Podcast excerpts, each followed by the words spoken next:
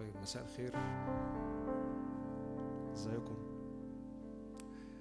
جاهزين نبدأ؟ جاهزين؟ طيب تعالوا نفتح مع بعض مزمور 73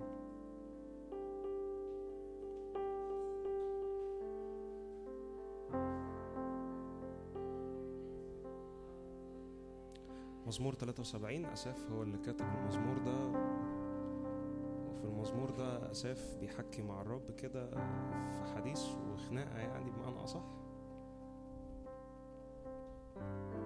طيب الناس اللي لسه داخلة تعالوا نفتح مع بعض مزمور 73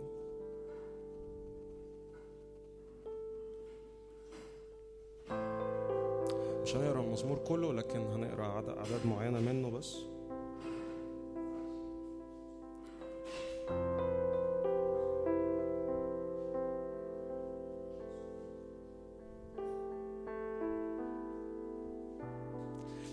واحد كده بيقول إنما صالحنا الله لإسرائيل لأنقياء القلب.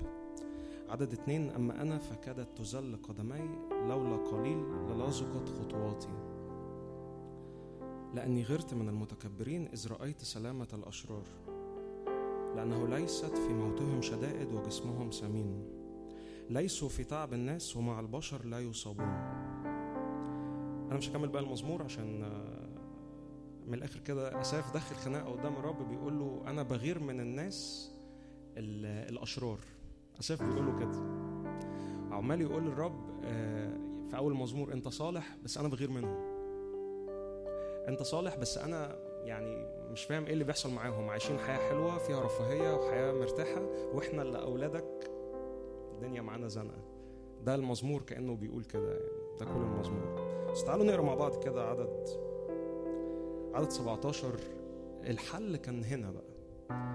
أساف داخل بشكاية وداخل بأسئلة وداخل بحاجات كتير لكن بصوا بيقول إيه في عدد 17 حتى دخلت مقادس الله. بيقول إيه كمان؟ حد بيقرأ معايا؟ وانتبهت إلى آخرتهم. فكان الحل بالنسبة له إنه يعمل إيه؟ يدخل العرش. ولما دخل العرش عينيه اتفتحت على آخرة الأشرار. فلما عينيه شافت ده فهم. عايز تقول إيه؟ عايز أقول ببساطة إن إحنا كتير قوي بنبقى داخلين محضر رب جوانا أسئلة وجوانا كمية حاجات كتير بتدور في دماغنا أسئلة ودوشة وتشتيت وغيره وغيره. وأول ما بندخل نعبد الرب نتقابل معاه وجها إلى وجه بتتجاوب بقى كل أسئلة وكل دوشة جوانا بتتفلتر وكل أسئلة جوانا بيترد عليها. حد مصدق؟ ده مش بس كده. تعالوا تعالوا بص كده. عدد 25 اساف بيقول إيه؟ من لي في السماء ومعك لا أريد شيئا في الأرض. هو إيه اللي حصل لأساف؟ أصل عينيه اتفتحت حد فاهم حاجة؟ قبل ما يدخل مقادس الله داخل بيتخانق. دخل العرش عينيه اتفتحت قال لك أنا مش عايز أرجع الأرض تاني. هو إيه اللي حصل؟ أصل هو شاف حلاوة العرش والسما فوق. حد عايز يشوف ده؟ حد عايز الرب يفتح عينيه على اللي بيحصل في السماء واللي بيحصل في العرش أشجعك وأشجعك يعني اعطش وجوع واعطش لده قوي. عدد 28 تعالوا نقراه مع بعض. بيقول كده أما أنا فالاقتراب إلى الله حسن لي جعلت بالسيد الرب ملجئي لأخبر بكل صنائعك أعتقد الكلام اتغير ولغة اساف اتغيرت صح؟ إحنا بنبقى عاملين زيه طول الوقت. بس أنا عايز أشجعكم وإحنا بنعبد الرب هتلاقي هتلاقي أجوبة كده بتترد في قلبك وفي قلبك في حاجات كتير بقالك فترة بتسأل فيها. مش بس كده عينيك هتتفتح وعينيك هتتفتح على أبعاد للأزمنة اللي جاية. حد فاهم حاجة؟ إحنا دايما كتير قوي بنقعد نسأل الرب عن الأوقات والأزمنة. طب إيه اللي هيحصل؟ طب إيه اللي هيحصل؟ ادخل العرش هتلاقي كده في كالندر كده. تلاقي الرب بيفتح عينيك عليها. حد مصدق؟ تعالوا نقف مع بعض كده ونبدأ وقتنا مع بعض.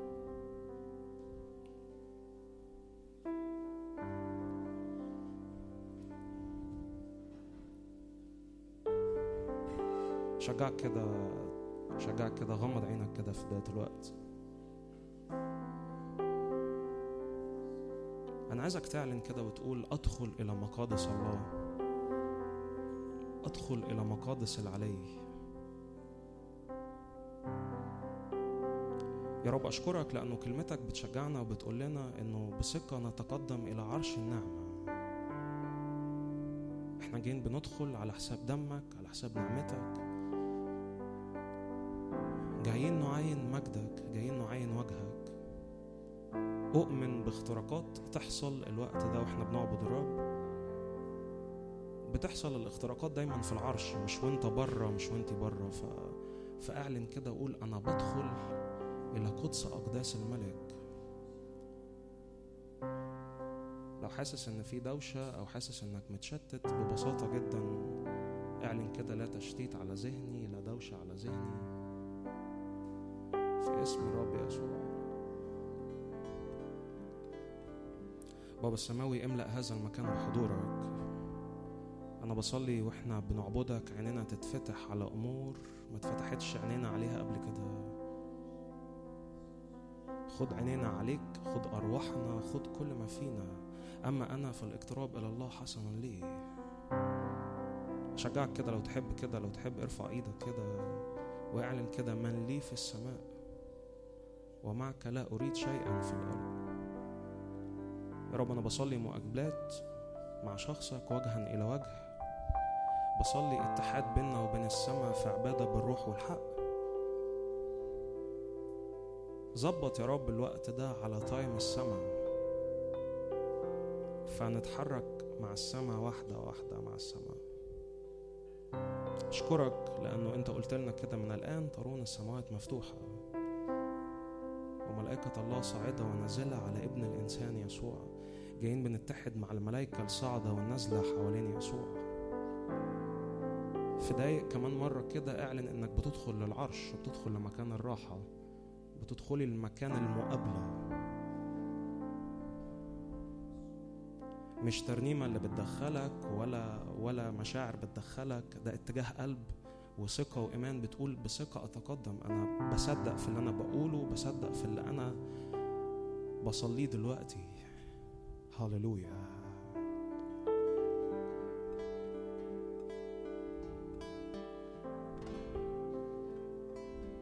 هللويا. حاصرنا يا بابا في حضورك حاصر كل حد فيك حاصرنا فيك الوقت ده. حاصر عينينا حاصر نفسياتنا حاصر قلوبنا عليك. أنا بصلي كده وإحنا بنعبدك بالروح والحق الدقايق اللي جاية دي. نتاخد لأعماق جديدة في معرفتك أعماق جديدة في المقابلة معاك. هللويا.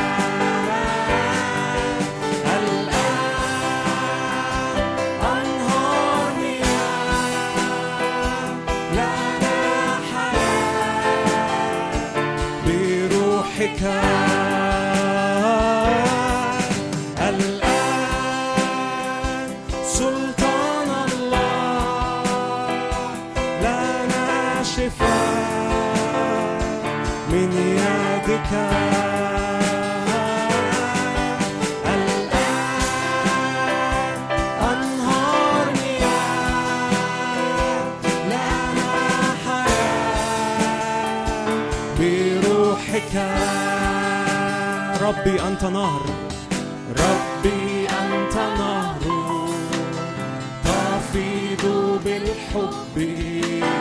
تثمر فيا فرحا.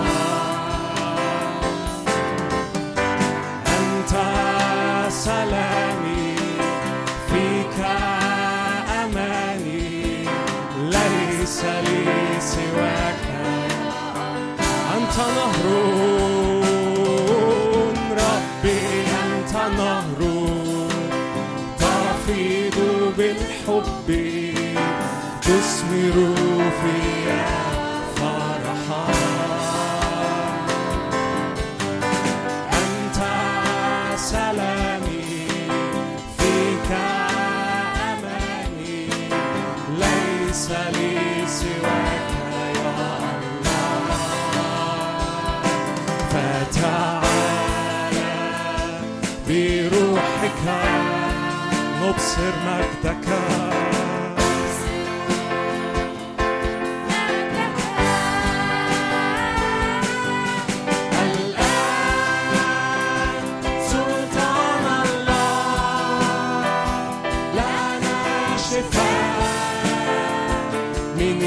يدك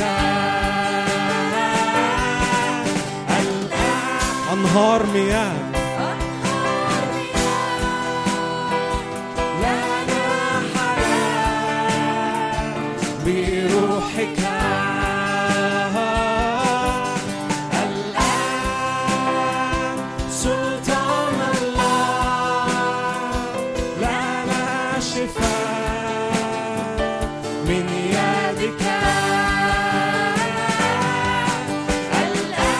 بنعلن أنهار مياه.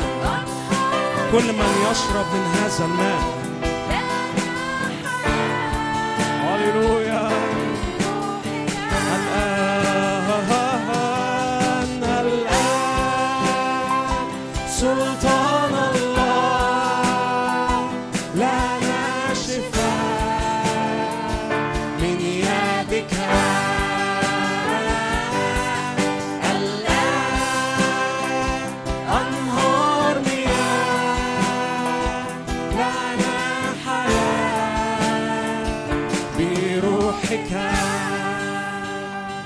عايزك وانت في مكانك كده ارفع إيدك واعلن كده. ما هذا إلا بيت الله. ما هذا إلا باب السماء. بنعلن حضور يسوع وسطينا. اسم من أسماء الرب يهوى شمع يعني الرب هنا. وطالما الرب هنا تحصل حاجات فوق اللي إحنا متوقعينه.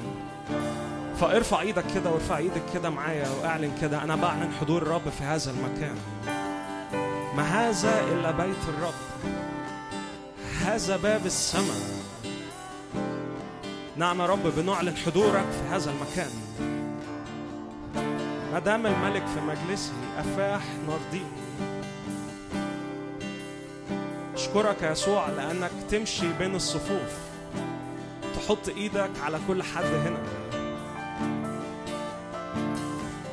بنعلن سلطان الله بنعلن حضور الله. عارف مدرك ومدركة يعني إيه حضور الرب هنا. هللويا. بنعلن حضورك. الآن سلطان الله لنا شفاء.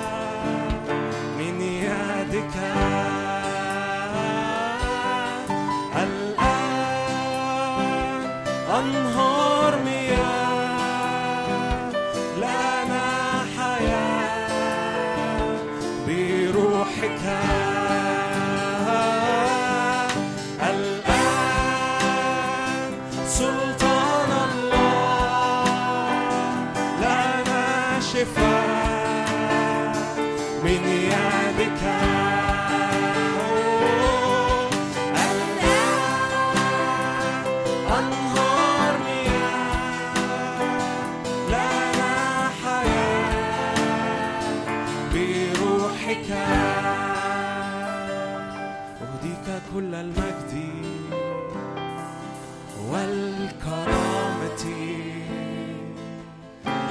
أرفع يداي نحوك وأسبح اسمك.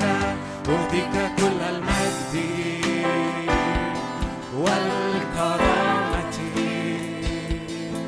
أرفع يداي نحوك وأسبح اسمك. أنت عظيم ليس مثل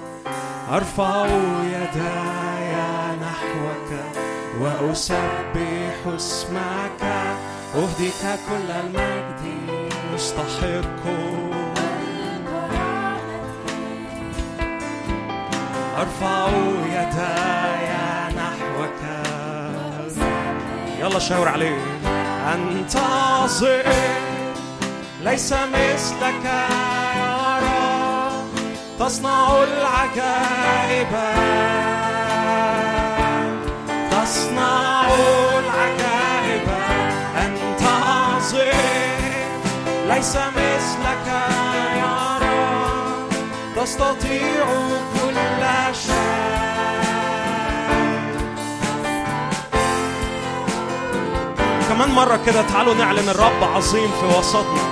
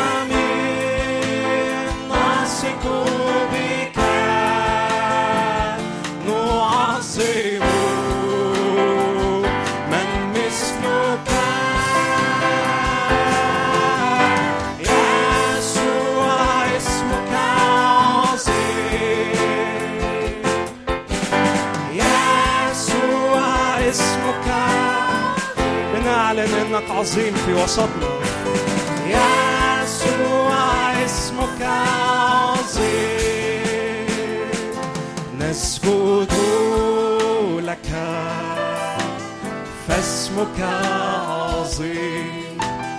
يسوع أنت مالكي. أسجد لك.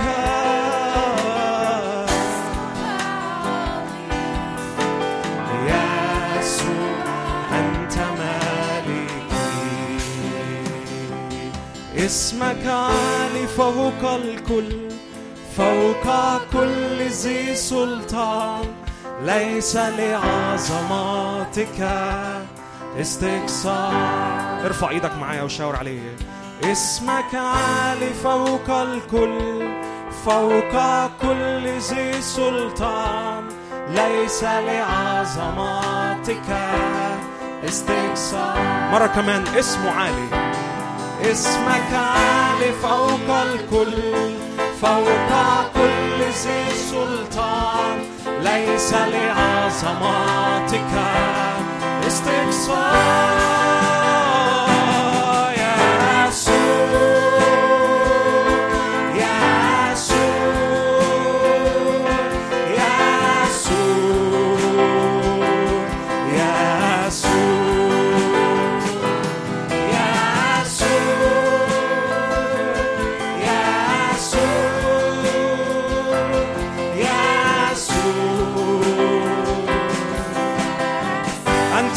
الحمل المسبوق. أنت الحمل المسبوق. الجالس عن يمين الآب. لك المجد والسلطان يا يسوع.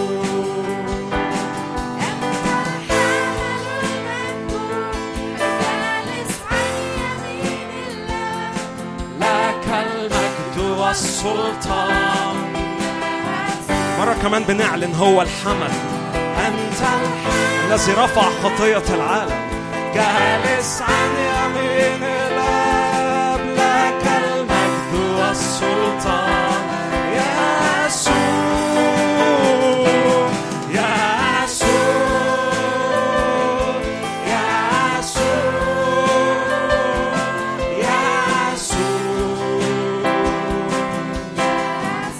اسمه دهن مهراج اسم الرب برج حصين. يركض إليه الصديق ويتمنى. بنعلن اسمه بنعلن اسمه. مرة كمان كده ردد ورددي اسمه. يا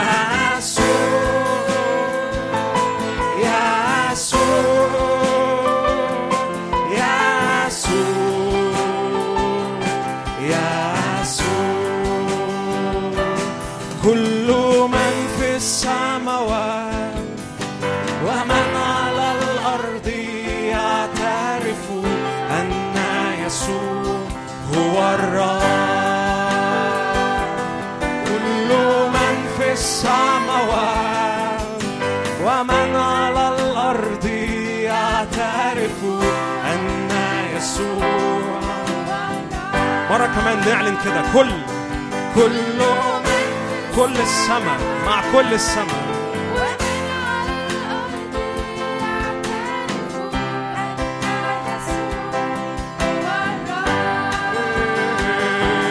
هو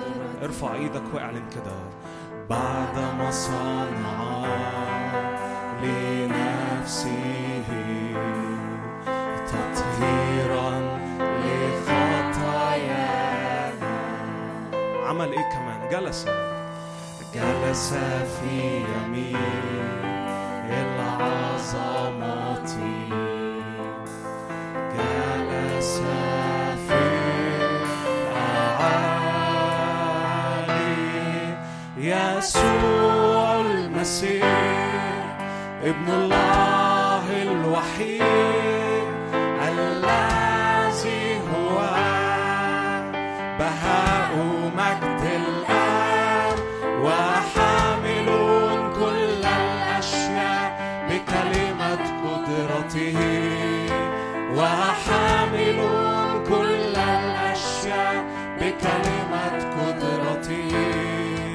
كرسيك يا الله إلى دهر الدهور أساس ملكك العدل والحق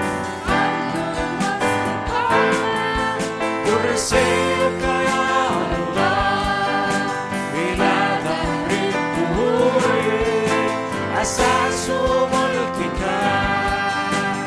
عدل واستقامة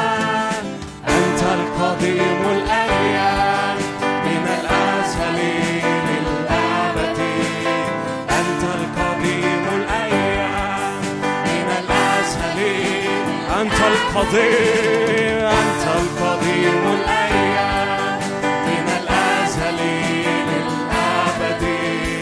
أنت القديم الأيام من الأزل للأبد. أنت وسلطانك أبدي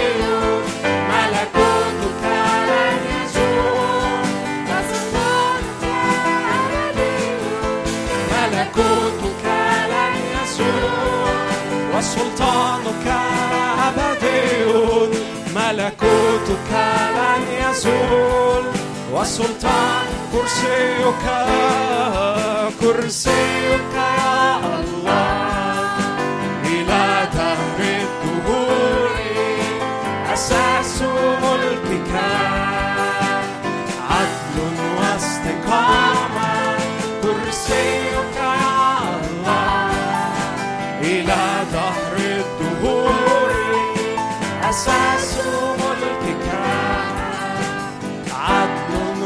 استقامة يلا نشاور عليه. أنت القديم الأيام من الأزل للأبد.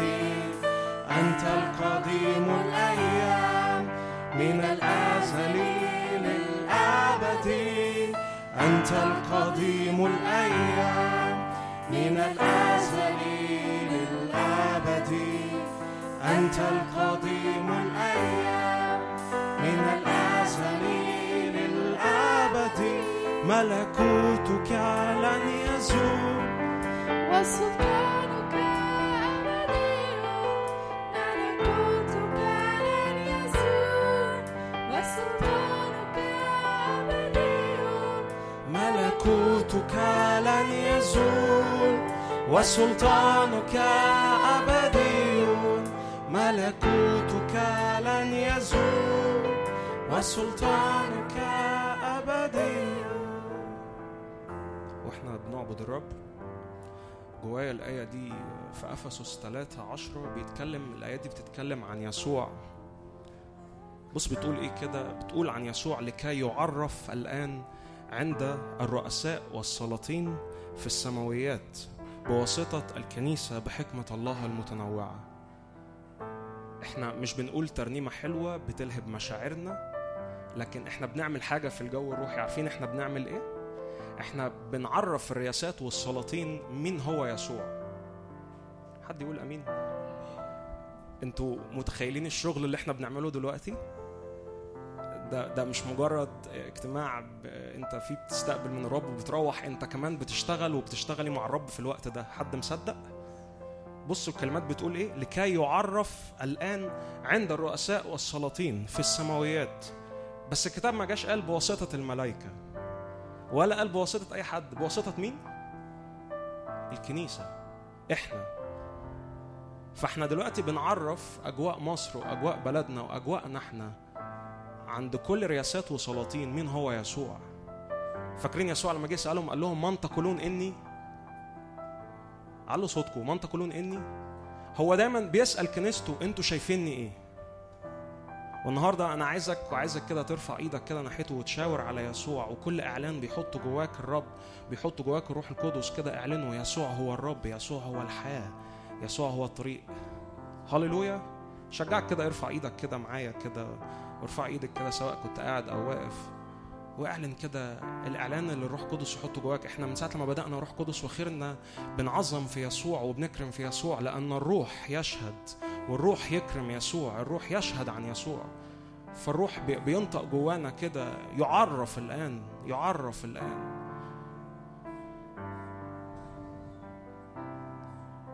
كل إعلان كده يحط جواك الروح قدس يحكوا جواك كده اعلنه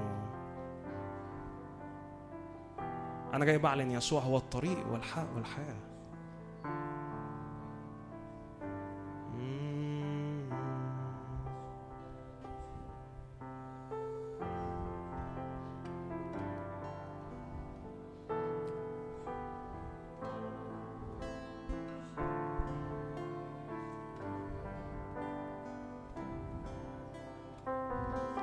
يسوع صعد إلى العلا فوق جميع السماوات قد غلب الموتى بقوة الحياة وهو دعانا من الساء. إلى كل ملء الله. قد سبى سبيا من الأسر وأعطى عطايا. يسوع صعد إلى فوق جميع السماوات قد غلب الموتى بقوة الحياة وهو دعانا السماء اعلن كده إلى كل ملء الله قد سبى سبيا من الأسر وأعطى عطايا. من الآن من الآن من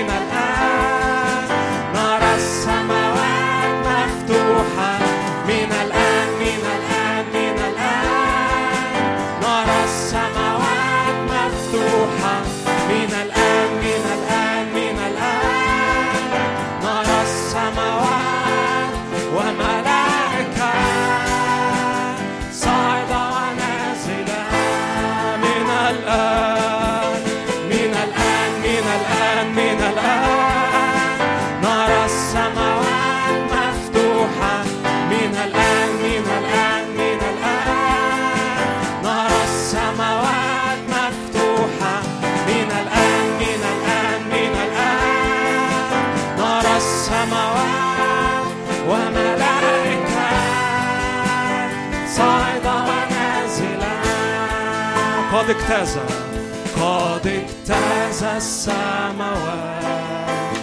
يسوع من أجلنا جالس جالس عن يمين الآب. ارفع إيدك كده اعلن هو الباب. وهو الباب للسماء. قد حل بيننا به ندخل ونخرج.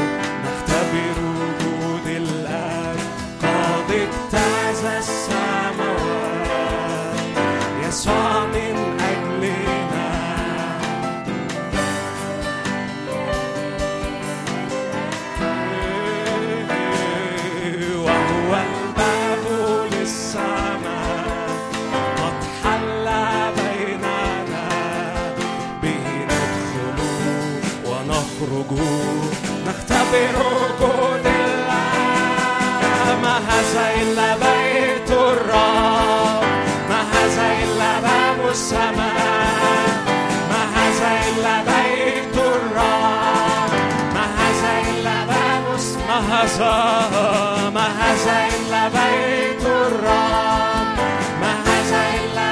السماء قد انفتح لنا السماوات رفع النقاب رفع النقاب رفع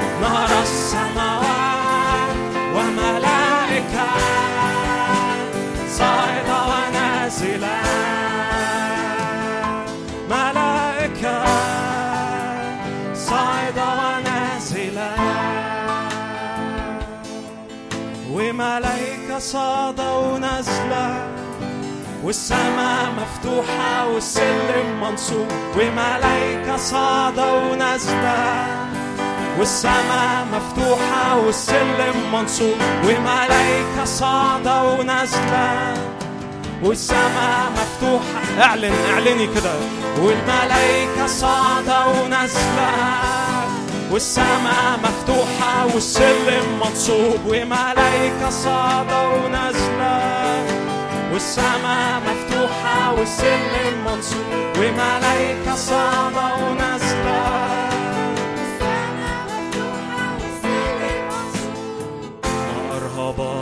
هذا المكان ما هذا إلا باب السماء. ما أرهب هذا المكان. ما هذا إلا باب السماء. ما أرهب هذا المكان. ما هذا إلا باب السماء. ما أرهب هذا المكان. وملائكة وملائكة صاعدة ونازلة والسماء مفتوحة والسلم منصوب. وملائكة صاعدة ونازلة والسماء مفتوحة والسلم مبسوط وملايكة صاعدة ونازلة. السماء مفتوحة وملايكة صاعدة ونازلة. والسماء مفتوحة والسلم مبسوط مرحبا هذا المكان ما هذا إلا باب السماء.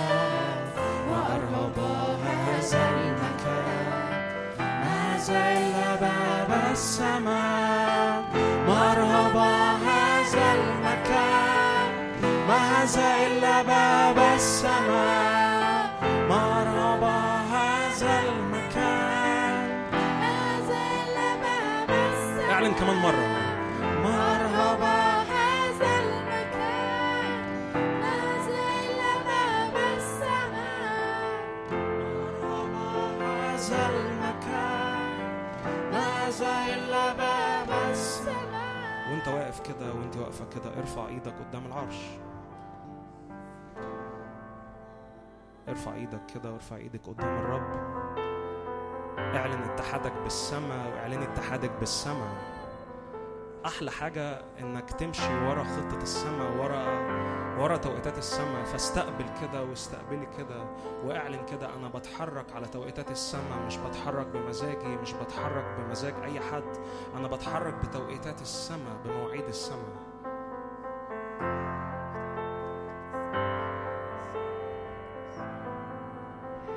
حسقيال جه قال كده السماوات انفتحت فرأيت رؤى الله. أساف أعلن كده دخلت مقادس الله وانتبهت يعني شفت. أنا عايزك تستقبل وعايزك تستقبلي كل مشاهد بتحصل في السماء دلوقتي. الروح القدس بيفتح عينين شباب هنا كتير قوي قوي على اللي بيحصل في العرش دلوقتي. أنت مش منفصل عن العرش أنت مش منفصلة عن العرش. الكلمة بتشجعنا أنتم الذين كنتم قبلا بعيدين صرتم قريبين بدم الحمل. فهللويا لأنه إحنا قريبين بدم الحمل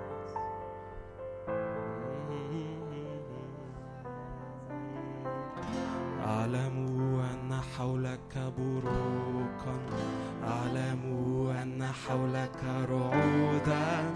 أعلم أن الكائنات من حولك تصرخ قدوس قدوس. أعلم أن حولك بروقا. أعلم أن حولك رعودا. أعلم أن الكائنات من حولك تصرخ قدوس أعلم أعلم أن حولك بروقا أعلم أن حولك رعودا.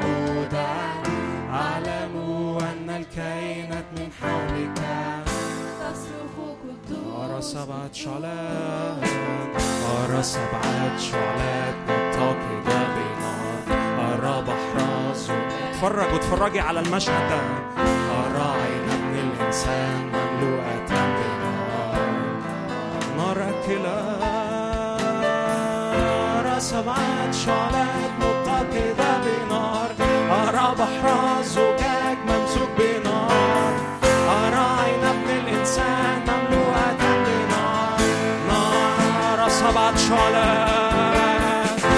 أرى سبعة شعلات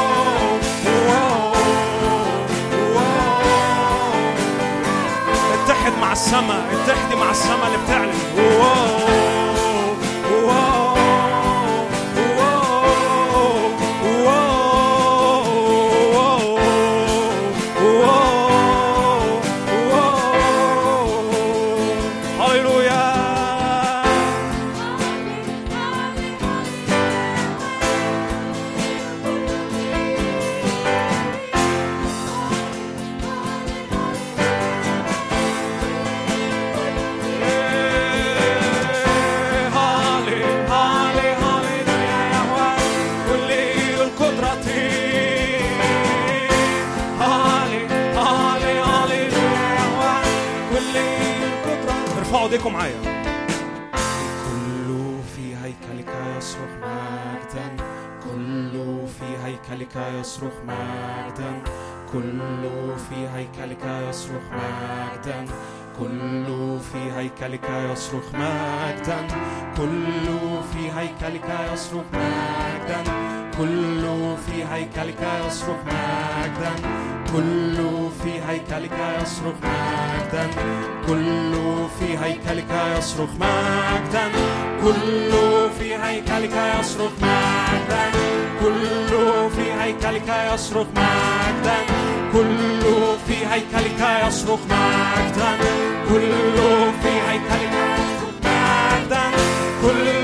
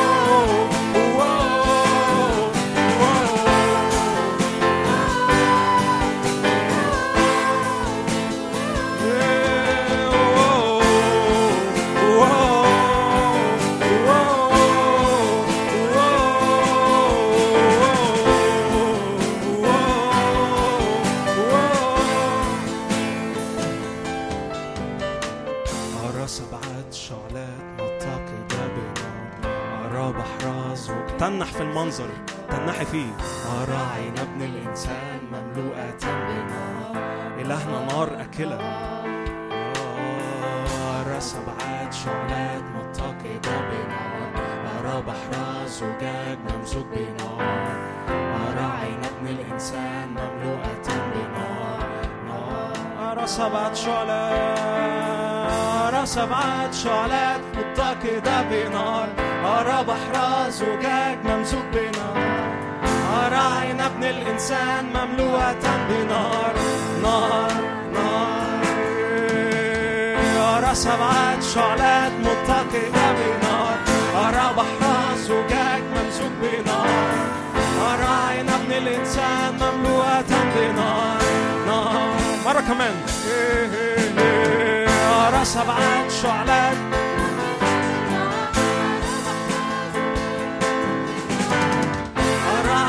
Hallelujah. Aleluya.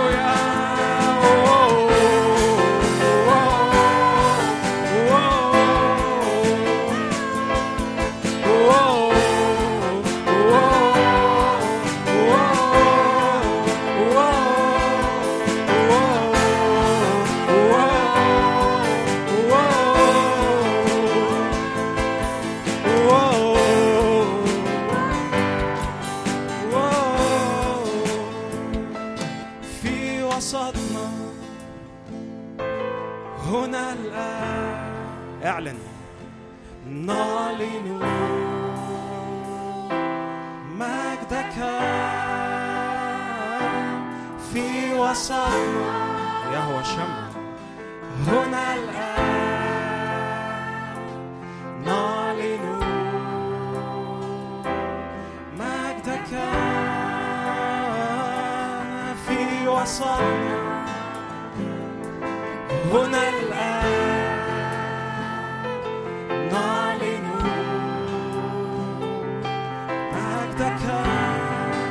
وسطنا في وسطنا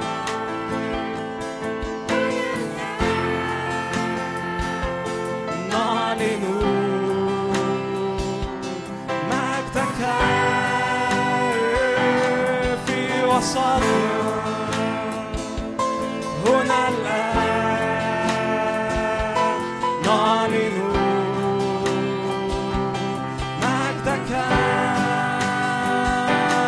كل قائل مجدا مجدا الكل قائل ليسوع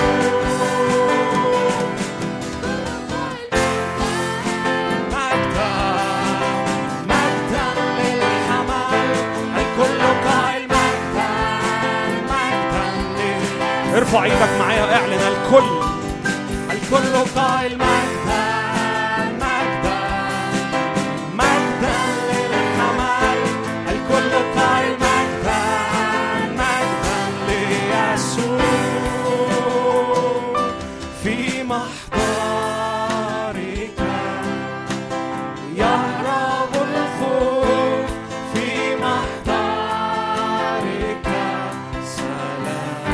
يفوق كل عقل.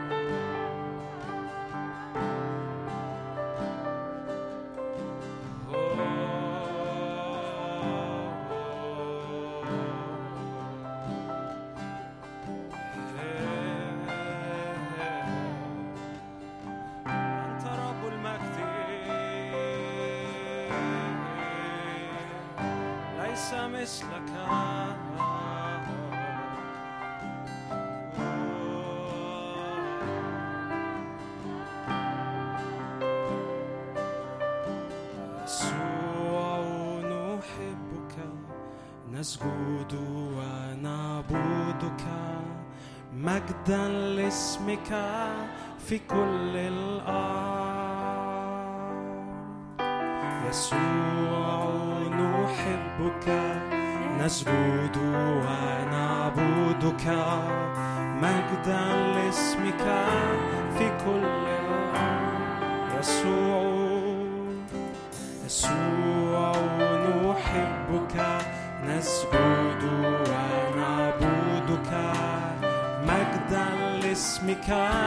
في كل الأرض مجدا لاسمك.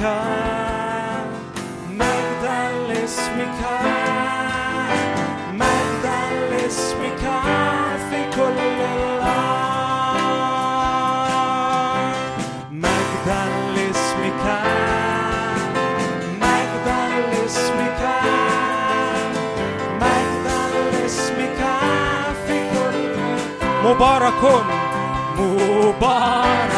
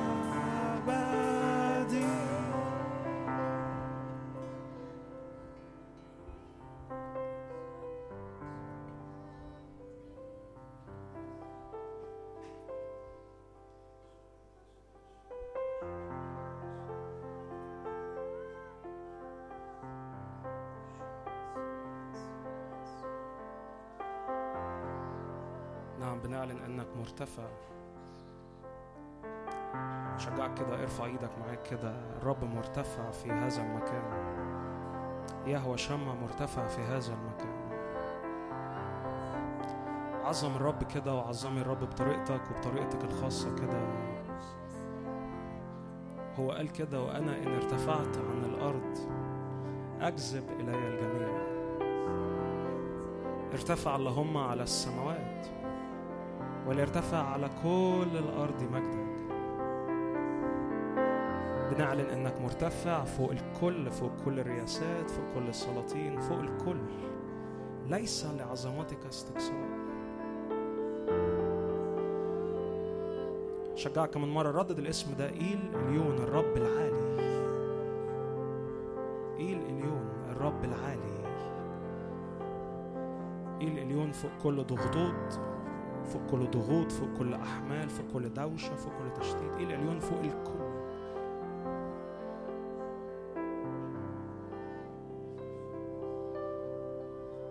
اللحظات دي كده الرب بيتحرك بيتلامس معاك ويتلامس معاك يستقبل منه.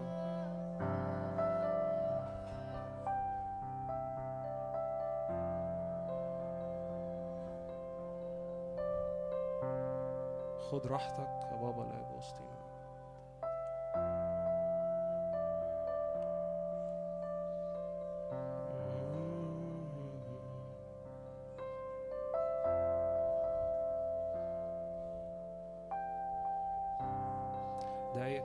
المزيكا الهادية كده استقبل واستقبلي كل نعمة مسكوبة من السماء من يسوع. كل قوة يسوع بيسكبها عليك وعليك الوقت ده. لأنه مكتوب بالهدوء والطمأنينة تكون قوتكم. أشكرك يا روح القوة لأنك تملأ أولادك بالقوة. أشكرك لأنك إله كل نعمة فتملأ أولادك بكل نعمة.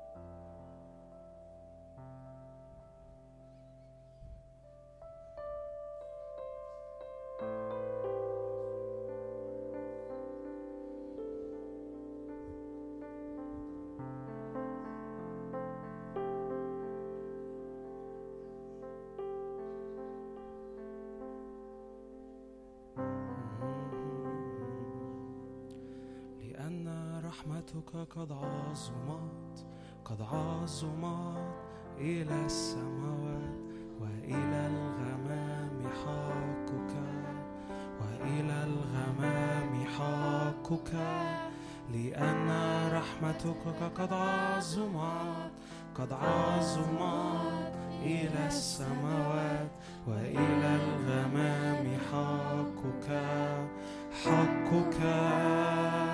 ارتفع اللهم على السماوات وليرتفع على كل الأرض مجدك.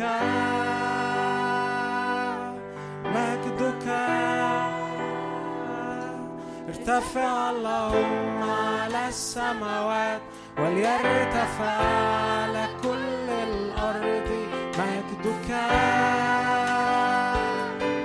مجدك يملأ كل الأرض مجدك ملء كل الأرض مجدك ملء كل الأرض مجدك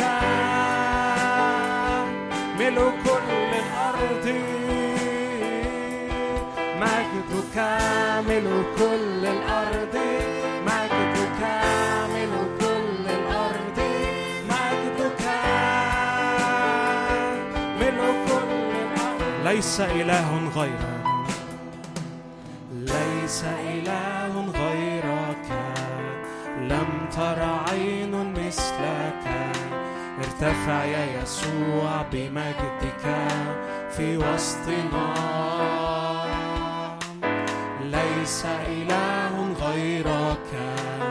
لم تر عين مثلك. ارتفع يا يسوع بمجدك في وسطنا. ارتفع اللهم على السماوات وليرتفع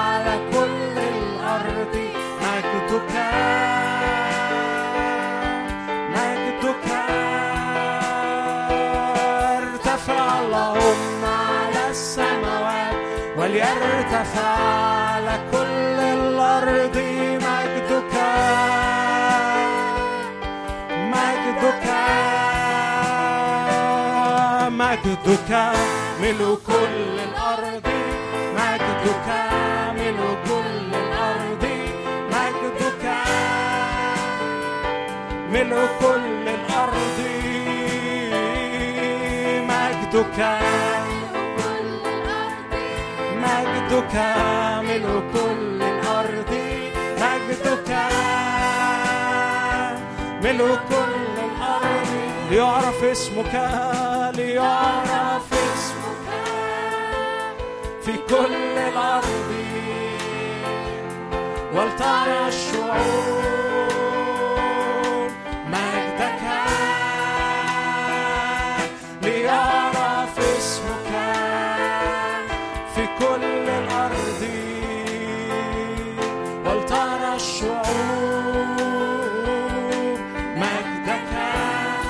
ملء كل الأرض مجدك ملء كل الأرض مجدك ملء كل الأرض مجدك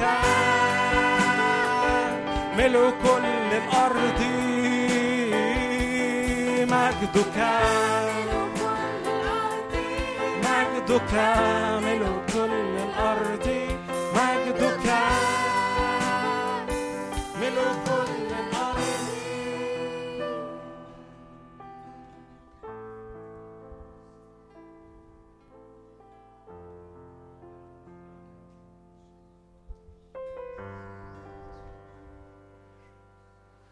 يا رب نشكرك يا رب لأنك موجود في وسطنا يا رب.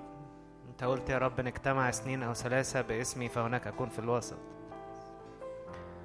يا رب أشكرك يا رب لأنك تيجي النهاردة يا رب بفيض يا رب وإعلان يا رب لكل واحد عن صلاحك وعن أمانتك يا رب. عن نبوتك يا رب وعن غفرانك يا رب وعن أمانتك يا رب. يا رب تعالى كده على كل واحد فينا يا رب لأعمق حتة جواه يا رب مخبيها ومداريها يا رب و... ومش عايز يكشفها يا رب بنورك يا رب نرى نورا يا رب. تعالى كده يا رب كل حاجة جوانا يا رب بايظة ومجروحة ومستخبية يا رب ومش عايزين نكشفها. نيجي نحطها قدامك يا رب عشان نار حضورك يا رب تحرقها.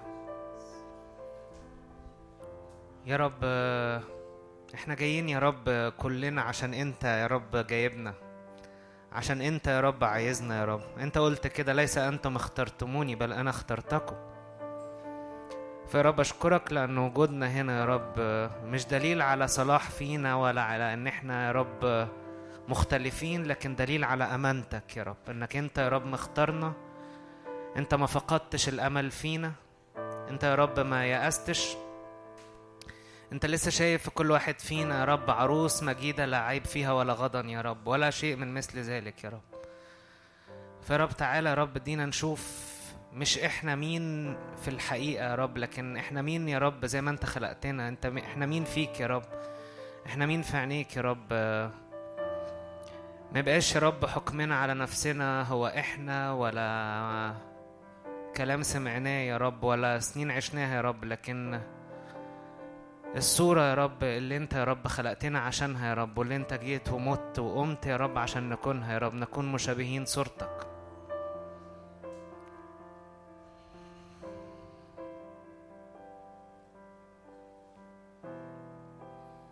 يا رب نحبك يا رب بنكرمك يا رب بنعلن اسمك وحضورك يا رب في وسطنا يا رب.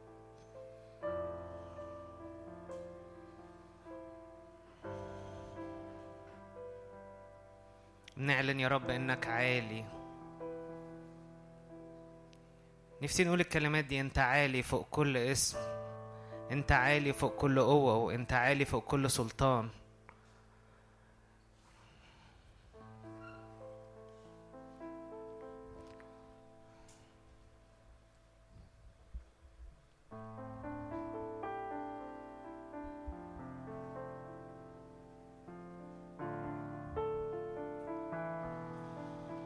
ملك الملوك وجلالك مال القلوب حوالينا وجبال بتدوب قدامك اسمك عالي يا فدينا. ملك الملوك وجلالك مال الوجود حوالينا.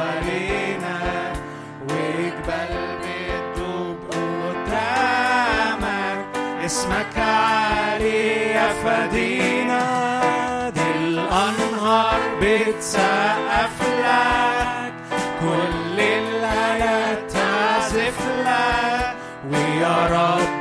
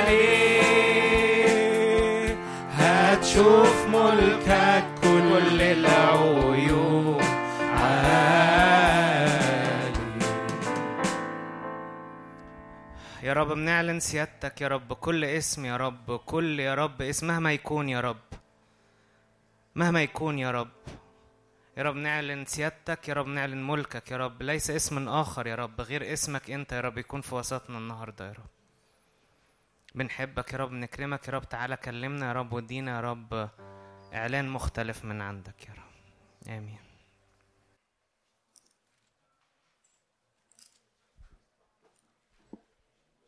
مساء الخير. عارف مش متعودين على الشرقي ولا معرفش الاجتماع هنا نظامه إيه بس آه. آه، أنا اسمي مارك. أعرف ناس منكم وناس تانية ما تعرفها ما أعرفهمش فمبسوط إني أكون في وسطكم. آه بصوا لما جون بع... أنتوا عارفين بتتكلموا على إيه في الاجتماع هنا ولا؟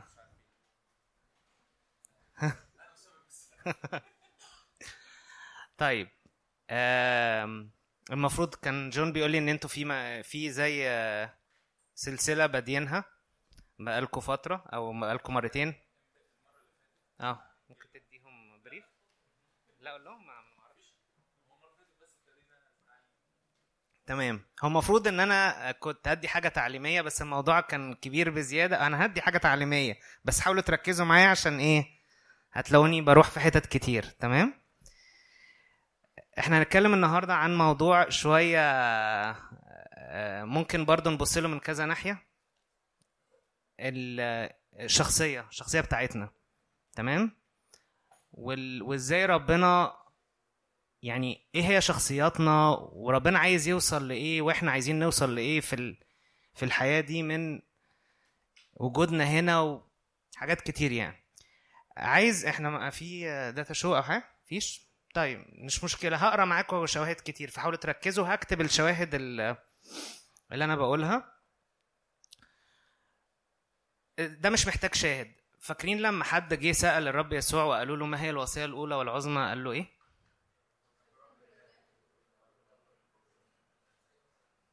تمام وإيه تاني؟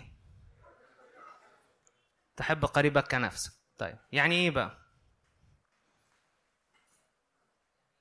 يعني إيه إيه إيه إيه معنى الوصية؟ يعني مش معناها اللغوي يعني خلينا نفنطها بشكل عملي. يعني إيه تحب الرب إلهك من كل قلبك ومن كل قدرتك ومن كل نفسك؟ يعني هي هنا في إنجيل متى 22 تحب الرب إلهك من كل قلبك ومن كل نفسك ومن كل فكرك. يبقى أولوية. حلو. وإيه تاني؟ مساء خير مش عارفين يعني دي هي دي الوصية الأولى والعظمى. يعني إحنا المفروض آه الرب يسوع قال له كده في الآخر قال له لو بهاتين الوصيتين يتعلق الناموس كله والأنبياء. يعني هم دي زتونة يعني. يعني لو لو إحنا بنتكلم هو قال له ملخص الحياة المسيحية تتعلق في الحاجتين دول. بتحب ربنا من كل قلبك من كل نفسك وبتحب قريبك كنفسك أنا بس عايز أرجع لبدايتها. لأنه هي إحنا دايما بنبص إن أنا المفروض أحب ربنا يعني أحبه يكون أولوية وده كلام صح محدش مختلف عليه. تمام؟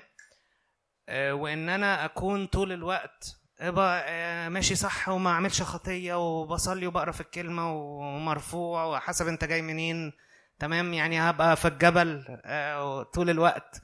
وفي الروح أو لو أنت جاي من ناحية تانية طول الوقت مش عارف بصلي وبرنم وب... فاحنا دايما رابطين ال- ال- الحياة إن هي إيه؟ أنا طول الوقت مشغول بربنا. حلو؟ وده صح. بس هي في حتة في الأول واكتشفت ده على كبر للأسف يعني بتفضل دايما آه، بيقولوها بال English كده holding me back يعني يعني م- معطلاني إن أنا أعيش الحياة دي للآخر. إن إيه؟ اللي قالها في الآية الثانية تحب قريبك كنفسك طب لو أنا ما بحبش نفسي؟ أصلا. يعني ناس كتير بت بت بتبص إنه أنا ربنا عايزني أحبه من كل قلبي وعايزني أحب الآخر وعايزني أحب بس أنا ما بحبش نفسي. أنا ما بحبش نفسي. و... وال... والاتنين مربوطين بشكل مش طبيعي. يعني كتير بنتخيل إنه يعني كلنا بنحب نفسنا؟ عادي يعني. أو أو إحنا برضو الناس بتتقسم نصين. العالم بيركز قوي عليك. يعني بيركز قوي على نفسك وراحتك وأحلامك وطموحاتك واسكن في بيت أحلامك واشتري عربية طموحاتك وموبايل هيحقق. يعني هتلاقي دايما أنت الكور. حلو؟ فأنت بتخش الكنيسة والمجتمع المسيحي بتحس إيه؟ لا أنا نفسي دي حاجة وحشة. يعني أنا أصلا إيه؟ حسب برضو خلفيتك وتربيت إزاي. لا أنا ما لازم إن أنا أقمع جسدي لا, لا رغباتي دي في تيجي في الآخر لا دي أنانية لا ده. وفي حتة في النص كده هي لا دي ولا دي. إنه هو هو أصلا لو أنا هو قال له تحب قريبك كنفسك. تخيل لو أنت نظرتك دونيه جدا لنفسك. يعني أنت شايف نفسك ولا حاجة ما تستحقش ما تستاهلش. فتتعامل إزاي مع الآخر؟ انه ولا حاجة. ما, است... ما انت بتحبه كنفس انت ما غلطتش. يعني انت انت بتعاملني وحش. على تعاملني وحش كده ليه؟ لا ما أنا بعامل نفسي طب أنا مالي؟ يعني يعني انت شايف نفسك ولا حاجة ده مش معناها ان انت تتعامل آه، معاه بالطريقة دي. فهي الفكرة ببساطة انه هو أصلا الموضوع يبتدي منين بقى؟ يبتدي أصلا من الطريقة اللي ربنا شكل بيها العالم ده. يعني ربنا أصلا خلق العيلة بابا وماما دول عشان يكونوا إيه؟ عشان يكونوا المكان اللي أنا بتعلم فيه ربنا. صح؟ يعني كم مرة في الكتاب المقدس بتلاقي ربنا بي بيرجع لنفسه إنه أب أو أم؟ كتير قوي. صح؟ أنتوا معايا ولا مع الاسف ولا إيه؟ يعني العهد القديم بالذات لما بيجي يتكلم إنه كما حملاتكم مش عارف إيه وزي ما لم تنسى الام رضعها أنا ما نسيتكمش وال صح؟ في العهد الجديد لما لما اللي يعني المسيح كان بيتكلم بيقول لهم إيه؟ لما بيقول إنه مين منكم؟ أبوه بيديله بيطلب منه سمكه يديله عقرب. عارفين طبعا الامثله دي؟ فبالتالي أبوكم اللي في السماء. العيلة ربنا قصد منها إن إحنا نشوف ربنا عامل إزاي. أصلا. يعني لما ربنا قرر إنه يعمل نظام العيلة قرر إنه ده يحصل. طبعا بنسبة كبيرة جدا مش ده اللي حاصل. اللفظ بتاع محبة غير مشروطة وقريت تعريف قريب قوي عجبني. بيقول المحبة الغير مشروطة دي تعريفها الأساسي للأطفال. يعني هي ما ما بتكونش واقع غير في الأطفال. ليه؟ عشان هو هو ما بيعملش حاجة فعلا. بس كل طول ما انت بتكبر يعني ما ينفعش أقول أنا بحب جون محبة غير مشروطه حتى لو ليها تعريف تاني في. في. في الناس كبار بس لأ هو في ترمز يعني لو جون ضربني وفضل يأذيني في وقت. فأنا ممكن أكون بحبه بس المسافة اللي ما بيننا في حاجة في في في شروط معينة بتحتم العلاقات البشرية. المحبة اللي غير مشروطة دي معناها إيه؟ معناها إن أنا بتحب من غير ما أعمل أي حاجة. خالص. ده المفروض المفروض يكون كان حاصل فينا كلنا. لو إحنا بنتكلم انه إحنا طالعين في عائلات سوية بحسب قلب ربنا بحسب فكر ربنا فالمفروض طول ما إحنا بنطلع بيحصل إيه؟ بنتحب محبة غير مشروطة. فغير مشروطة دي يعني غير مشروطة. هو ربنا المفروض خالق الأبهات والأمهات كده غير مشروطة بأي حاجة. عشان كده لما تيجوا تقروا بقى التربية الإيجابية وغيره وغيره وغيره يقول لك إيه؟ ما ينفعش تقارن ابنك بحد. طبعا إحنا يعني إحنا وغيرنا موضوع المقارنة ده حاجة صميمة في التربية. شوف ابن خالتك شوف بنت خالتك شوف أخوك شوف ليه ليه هادي ده ليه مش هادي ليه بيتكلم كده. طبعا الحاجات اللي طالعة وبيتريقوا عليها كتير وأكيد أنتوا بتشوفوا ال- التطور اللي حاصل في المجتمع المصري مثلا بتاع عوجة اللسان هات الشوزة اشرب الجوسة الحاجات ال- اللذيذة اللي هو إيه ليه فلان داخل بيتكلم English وانت ما بتتكلمش ف... طب لو انت ابنك هادي قوي قدراته كده هتحبه ولا لأ؟ لو انت ابنك مش مميز مش بيعمل مش بيتشقلب وهو عنده سنتين وخد masters من هارفارد يعني عادي طفل طبيعي هتحبه ولا لأ؟ أنا عندي ولد وبنت. حلو. ابني آه، اكاديميا متفوق وعبقري ومن وهو ثلاث سنين عارف الحروف وال... بيحب العلم جدا. بنتي العكس تمام وكان تحدي إنه أول حاجة جت في دماغي أنا عمال أضغط على مراتي إنه إيه هي ليه ما, بتك... ما بتكتبش دلوقتي زي جوني؟ هي ليه مش مش بتعمل زي جو... يا طول الوقت حاسس ان عندي آه، مرجعية. ما هو شاطر. يعني يعني بس هي مثلا شاطرة في حاجات تانية يعني هي بتلون وبترسم. فأنا قعدت فترة حاسس إنه إيه لأ طب ما هو مثلا متطور عنها مش عارف في الدراسة بس هي آه، اجتماعية عنه طب ما مش عارف هو. فلقيت إن أنا عمال أقارن أقارن طول الوقت وحاسس إن أنا بعمل حاجة غلط. أنا ليه بقول الكلام ده؟ بقول الكلام ده لأنه في حاجة أنا اكتشفتها وإحنا مش بنديها وقت خالص. إحنا سهل قوي نروح اجتماعات ونخدم خدمات ونشتغل أشغال وننجح والناس كلها تشوفنا إن إحنا يعني حاجة ما حصلتش. بس أول ما تقعد لوحدك كده تلاقي إن أنت ما فيش أي علاقة بالإيه باللي الناس شايفاه ده. إنه ال ال الحاجة اللي حاصلة جوه دي هو ده ال- اللي أنت وربنا بس اللي عارفينها إنه يعني مش عارف أصيغها إزاي. ساعات كتير بن بنحب الدوشة. ليه؟ أنتوا ليه عارفين السوشيال ميديا ناجحة قوي في العصر بتاعنا؟ أنا اكتشفت إن أنا لا إرادي لا إرادي. كل ما أنا وأنا سايق وأنا ماسك أفتح فيسبوك أفتح فيسبوك أفتح أفتح إنستجرام أفتح ويوتيوب. مش عايز أقعد لوحدي خالص. وأنا سايق وأنا مستني. إيه، لو مفيش انترنت أروح يعني لدرجة في وقت قلت لا أنا همسح الحاجات دي كلها من الموبايل حاسس إن أنا هو أنا هو أنا إيه اللي حصل؟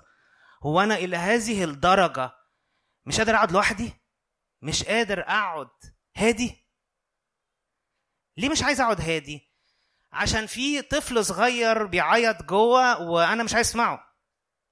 مش وقتك. مش مش هنسمع لك. ليه؟ عشان ال ال ال ال الرحلة اللي جوه أصعب قوي من الرحلة اللي بره يعني إيه الرحلة اللي جوه يعني إنت تقعد مع نفسك كده هادي من غير مزيكا من غير تسبيح من غير ناس من غير حاجة. ومهدي كل حاجة كده. وإنت قاعد إنت قدام ربنا قاعد ماسك ورقة وقلم ولا مش قاعد حتى بتفكر بتحاول تعرف هو أنا هو أنا مين. هو أنا مين أصلا؟ ما هو سهل قوي إن أنت آه، تاخد الهوية بتاعتك. يعني لو عايزين الكلام اللي أنتم متعودين عليه ال- الهوية بتاعتك واخدها منين؟ أنت مش عارف. أنا ومراتي طالعين من آه، خلفيات مختلفة كتير يعني. هما العيلة عندهم كل حاجة كل واحد يعمل اللي هو عايزه فعادي يعني مفيش أي نوع من الضغط أو البريشر أنا إحنا عيلة تقليدية جدا وكل حاجة المفروض واللازم والأصول والحاجات دي عارفينها؟ طيب.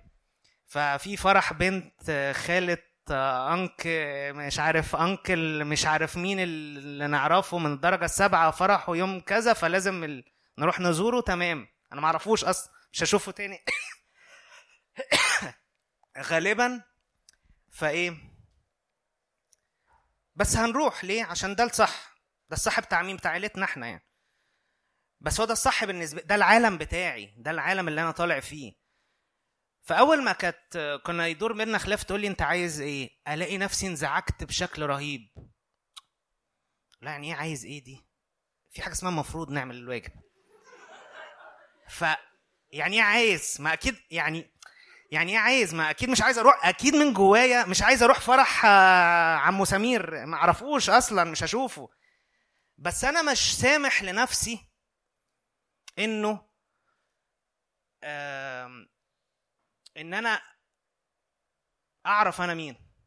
أنا ليه بقول الكلام ده برضه؟ أنا مش جاي أحكي يعني عن عن حياتي الشخصية. خدت بالي قوي إنه يسوع الراحة بتاعته الراحة ال- اللي كان هو فيها واللي مديها للي حواليه كان سامح للتلاميذ كلهم يكونوا نفسهم. خدتوا بالكم عمركم وانتوا بتقروا التلاميذ وتعاملاتهم مع بعض ومع يسوع؟ التلاميذ دول لو كانوا عايشين في وسطنا ما, هنحس إيه إيه إيه إيه ده هديكم مثل. تخيلوا أنا وجون رحنا للدكتور نادر ونقول له ها بقى مين أعظم. ها جون على فكرة آه، بيخدم ومتفرغ وكاتب كتب بس أنا على فكرة آه، بدرس في جامعة القاهرة وعندي تأثير على الطلبة وشغال في الع... فمين أعظم؟ تخيلين إن ده حصل؟ ده حصل بقى. تلاميذ بيقولوا ها بقى مين أعظم؟ مين أعظم إيه؟ عارفين ليه؟ عشان حقيقيين. هم مش محتاجين يعملوا الفورمة بتاعة الكنايس مش محتاجين يداروا على الايه؟ ما يصحش. ما هو ما يصحش. ما حدش قال انه يصح. بس هم مرتاحين ليسوع للدرجة اللي هيجوا يطلعوا اللي ما يصحش ده قدامه عشان يظبطهم. يعني هو ما حدش قال انه ده صح. وما عملوهوش ما بينهم وما بين بعض. أنتوا فاهمين الفرق؟ هو دول الحاجتين اللي حاصلين حاليا في المجتمعات كلها وبالذات المسيحية. يعني أنا هاجي قدامك ربنا يباركك بجد خدمة رائعة بس هاجي من ورا. يا ربنا سابع مرة أسمع نفس الخدمة. فأنت هتيجي قدامي هتقول لي حاجة وهت... وهتيجي بعدها تقول إيه حاجة تانية. هم ما كانوش كده. هم كانوا مرتاحين للدرجة اللي فيها إيه؟ لا أنا هاجي أقول له في وشه هو مين أعظم؟ بطرس دخل ليسوع بص إحنا سيبنا عيالنا ومراتاتنا واولادنا استفدنا إيه؟ قال له كده. استفدنا إيه من مشينا وراك؟ قال له كده.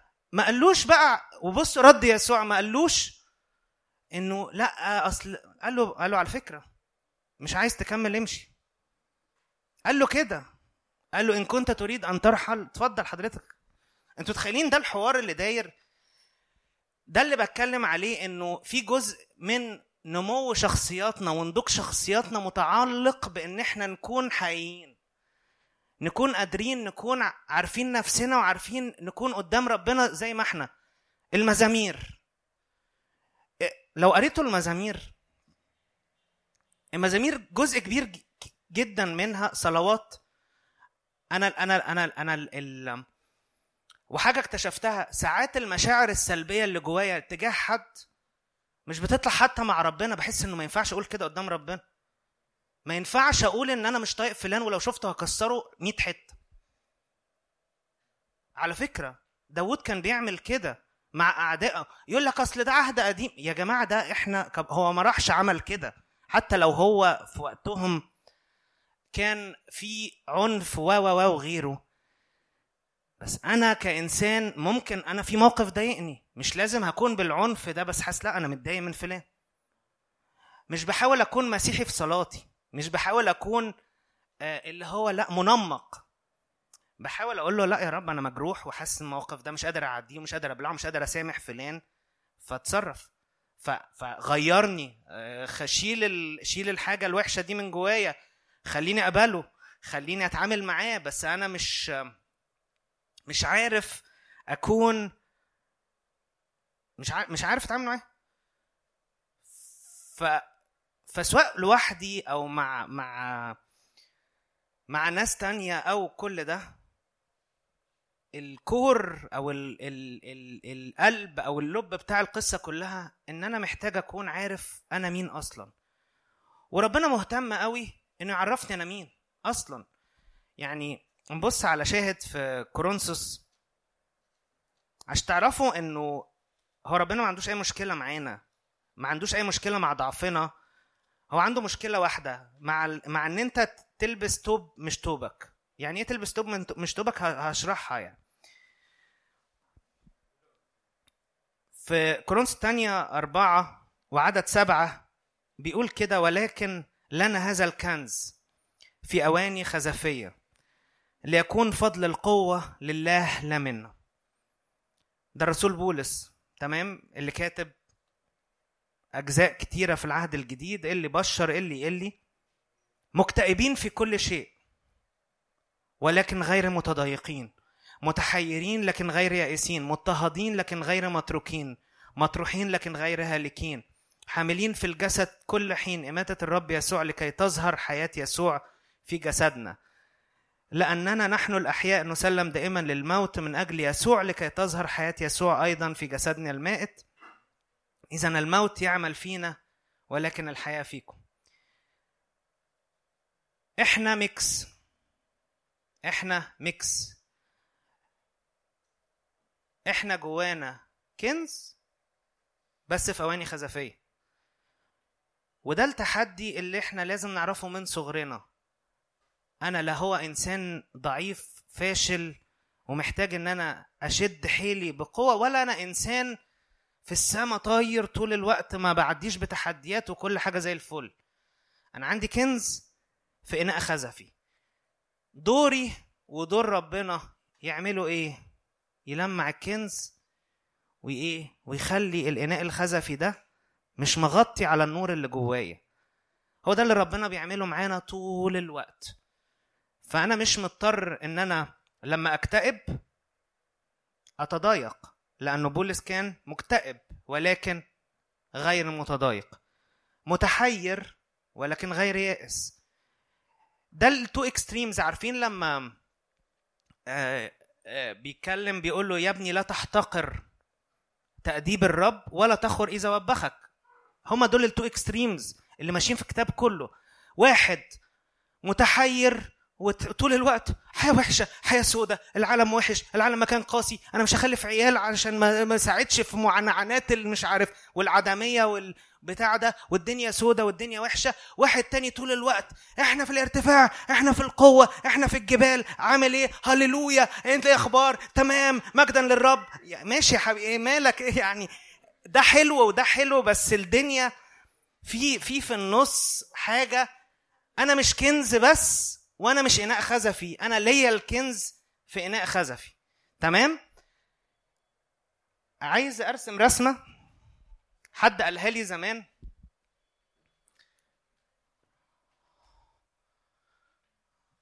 آه، رسمة بدائية.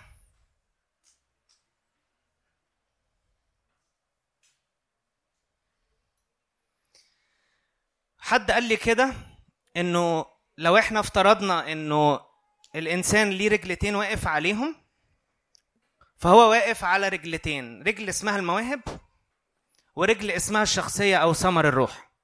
أوكي؟ إيه ثمر الروح يا جماعة؟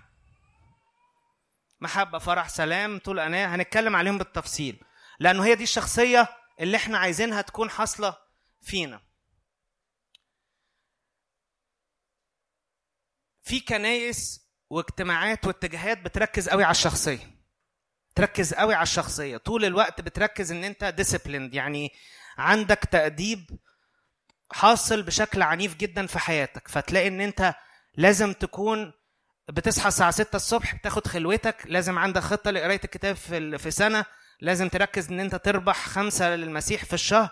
فأنت مركز طول الوقت على شخصيتك على كلامك على على الالتزام بتاعك. وده مهم. حلو؟ أنا مش بتكلم على الطريقة اللي هي الناموسية ال ال لكن بتكلم على الشخصية. على الشخصية كأنك إن أنت بتثقل شخصيتك. إيه الشخصية يا جماعة أصلا؟ يعني خلينا نرجع حتة شوية ورا. إيه الشخصية؟ يعني أنا لما أقول لك إيه الشخصية عبارة عن إيه؟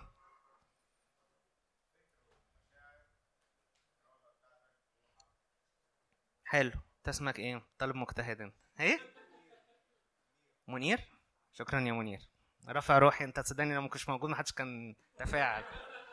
حد غير منير بقى يا جماعة يديني كده أي من الناحية دي. غشوا طب اللي قاله يعني قولوه بشكل تاني. إرادة فكر مشاعر.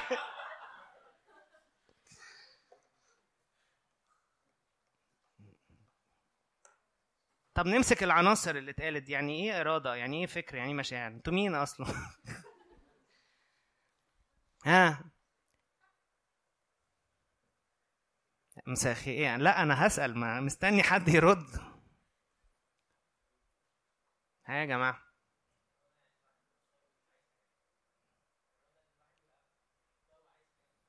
حلو. إرادة يعني الواحد بيختار وعايز حاجات. ها إيه تاني؟ طيب مش مشكلة. قول. قول قول عادي.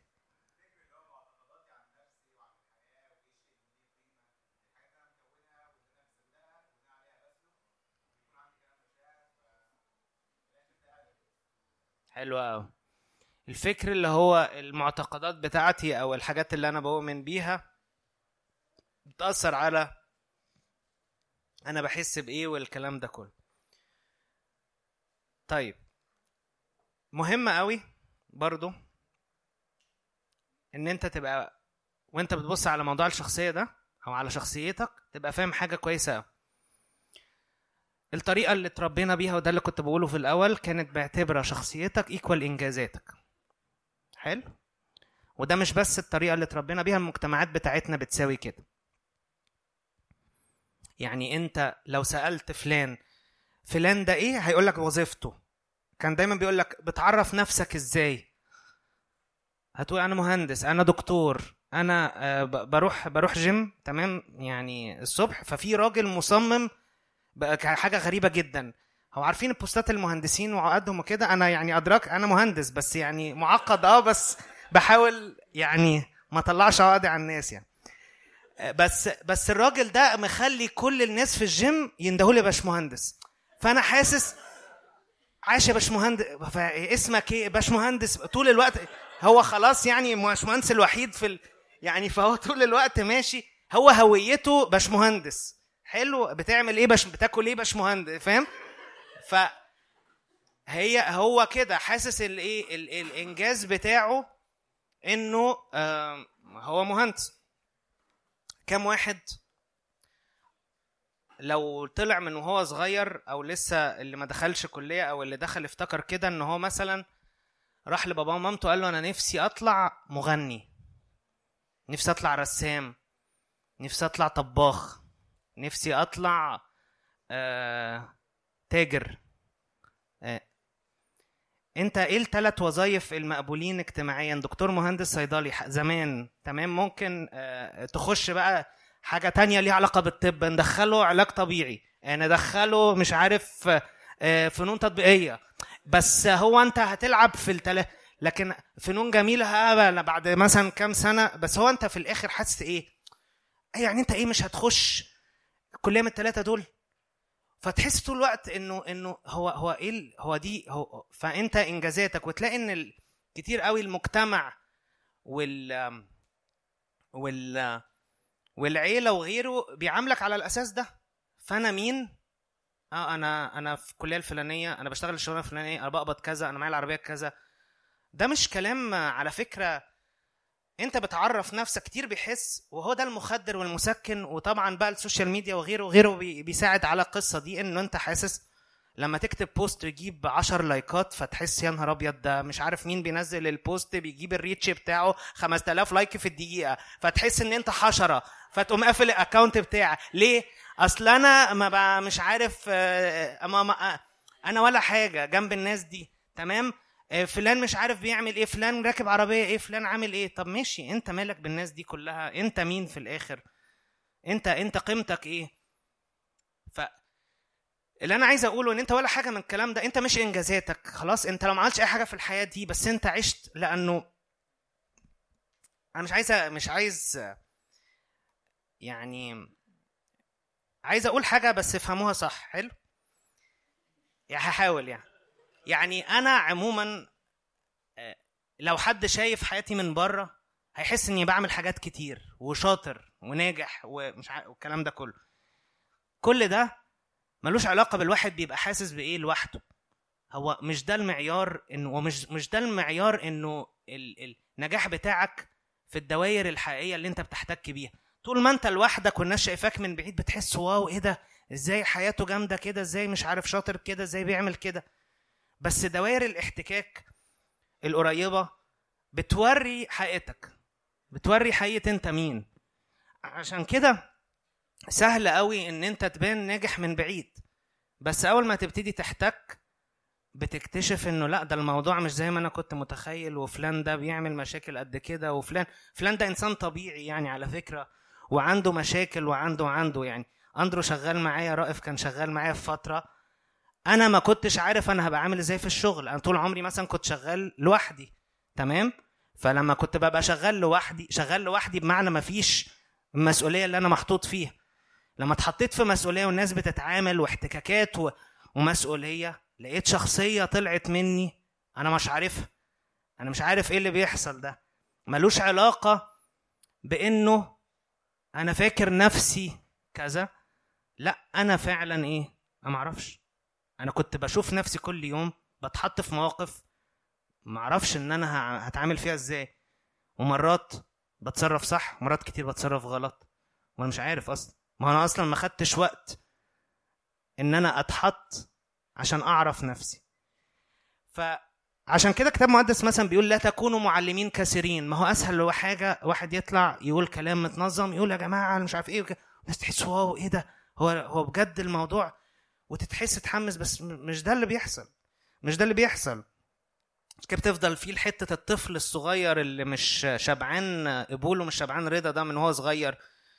وكل علاقة جديدة بيخشها وكل دايرة جديدة بيخشها بيبقى عشمان إنه إيه ينجح فيها.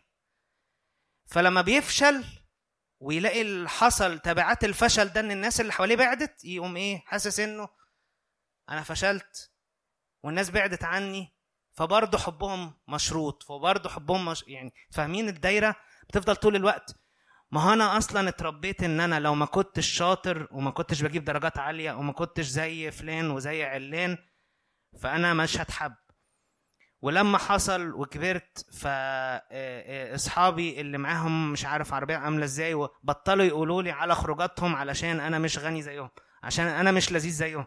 فالدايرة بتكمل. فتفضل تحاول تسكت ده وتخش في علاقات جديدة وتخش في عارفين في ناس بيدمنوا الموضوع إنه وف- وفي نوعيات كتير. في ناس اللي هو طول الوقت آه، شاغل نفسه شاغل نفسه بعلاقات جديدة. ليه؟ أنا عايز أفضل طول الوقت حاسني مرغوب وحاسني محبوب وحاسني مقبول والكلام ده كله. بس هو مش ده العلاج. لأن أنت لما بتيجي حاسس إن أنت أنت مش عايز غير حاجة واحدة. أنت عايز تحس إن أنت لو توقفت الحياة وتوقفت عن إن أنت تكون بتدي وبتعمل يعني ال- الصورة ال- اللي أنت فعلا عليها. فاهمين؟ يعني أنت أنت أنت مش بتحاول تبقى النايس جاي طول الوقت. انت بتحاول تكون انت. زي ما يعني أنا مش عارف اقولها إزاي. زي التلاميذ أنا طول الوقت مشغول بالتلاميذ ومشغول ب... بال... بازاي كانوا مرتاحين في وجود يسوع. يعني كان لما يوحنا ويعقوب راحوا للمسيح مثلا قالوا له إيه؟ عايزين نار تنزل تاكل المدينة اللي رفضتنا دي. راحوا قالوا كده أنتوا متخيلين؟ ف... فيسوع ما قال لهمش هو إيه ده, ده, ده إيه اللي بتقولوه ده؟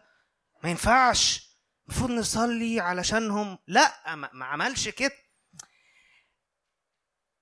ربنا عايز شخصياتنا الملخبطه دي نحطها قدامه ونسيب له مسؤولية شغل.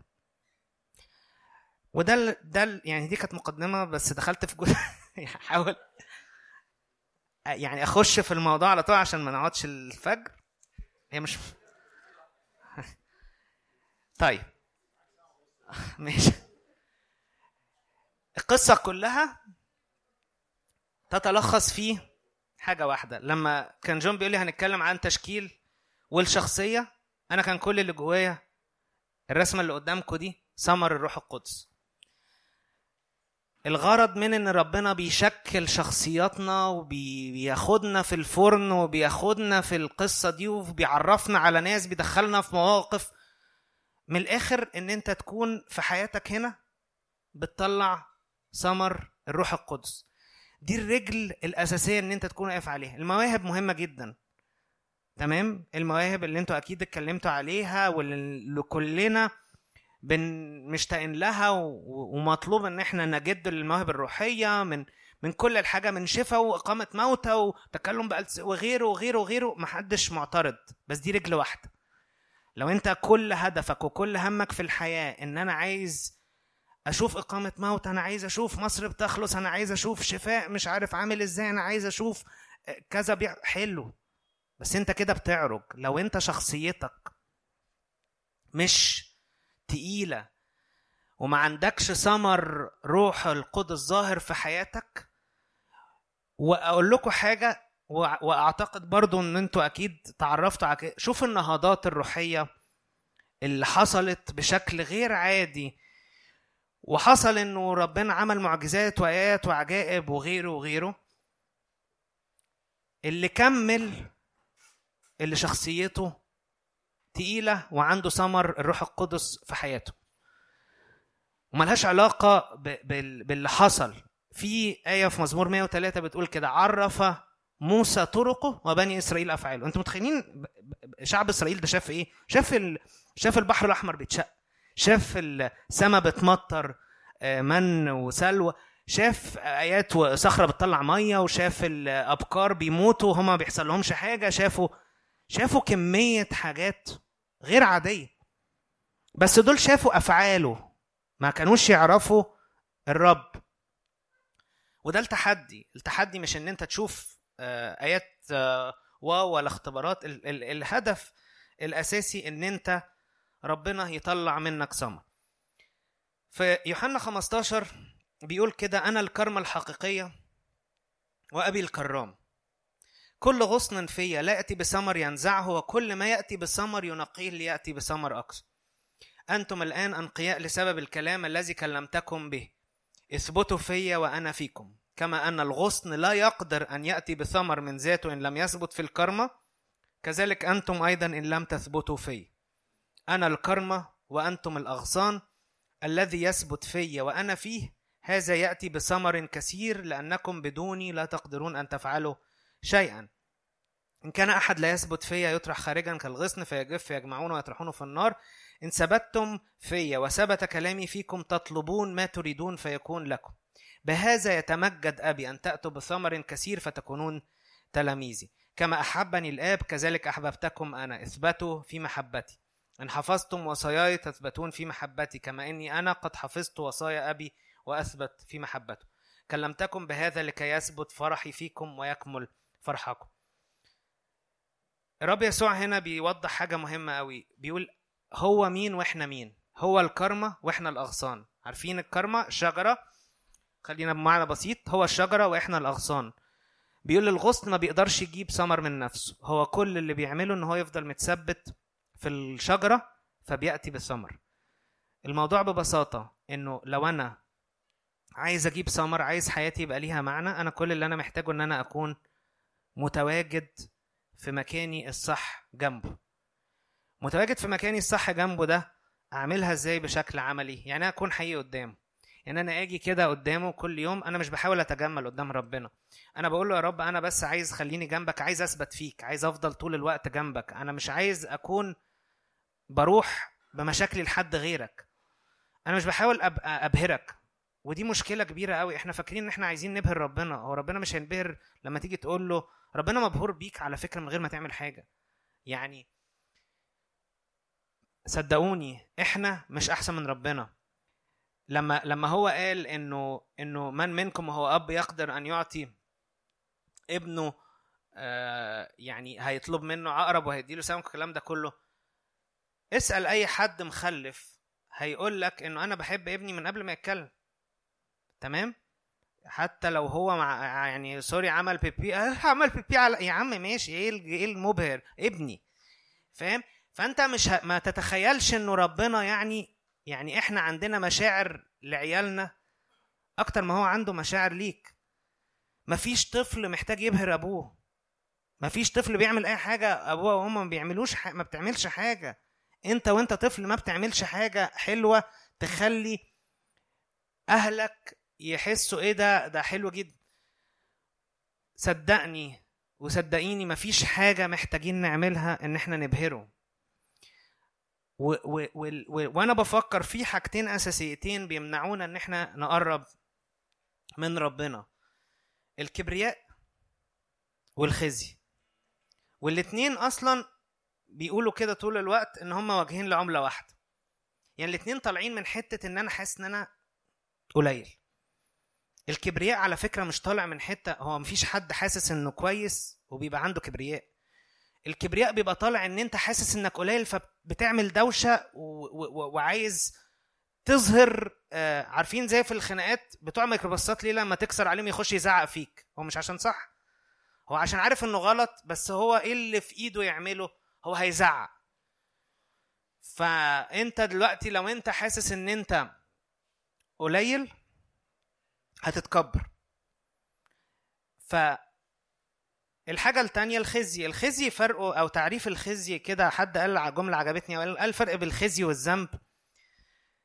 الخزي لما حد يجي يقول لك أنا ولا حاجة أنا وحش أوي.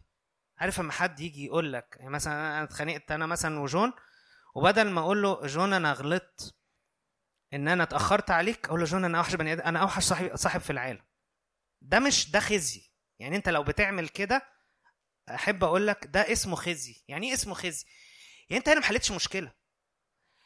انت كل اللي عملته اولا من ناحية روحية إنك ثبتت حكم إبليس عليه. يعني انت بتقول كده أنا ولا ح... انت انت إبليس بيقول لك عايز يوصل لك؟ أنت ولا حاجة انت بتقول لنفسك أنا ولا حاجة. أنت فاشل أنا فاشل. ده مش ده مش ده عدم تحمل المسؤولية. هو شكله حلو ومجتمعاتنا بتحب الخزي قوي زي عينيها. تمام؟ يعني هم يحبوا يموتوا في الخزي أنا التراب افتكر يعني انت التراب إيه يا مان. يعني الدنيا يعني لا يعني يعني فاهم؟ م- م- موضوع مش يعني انت عملت إيه؟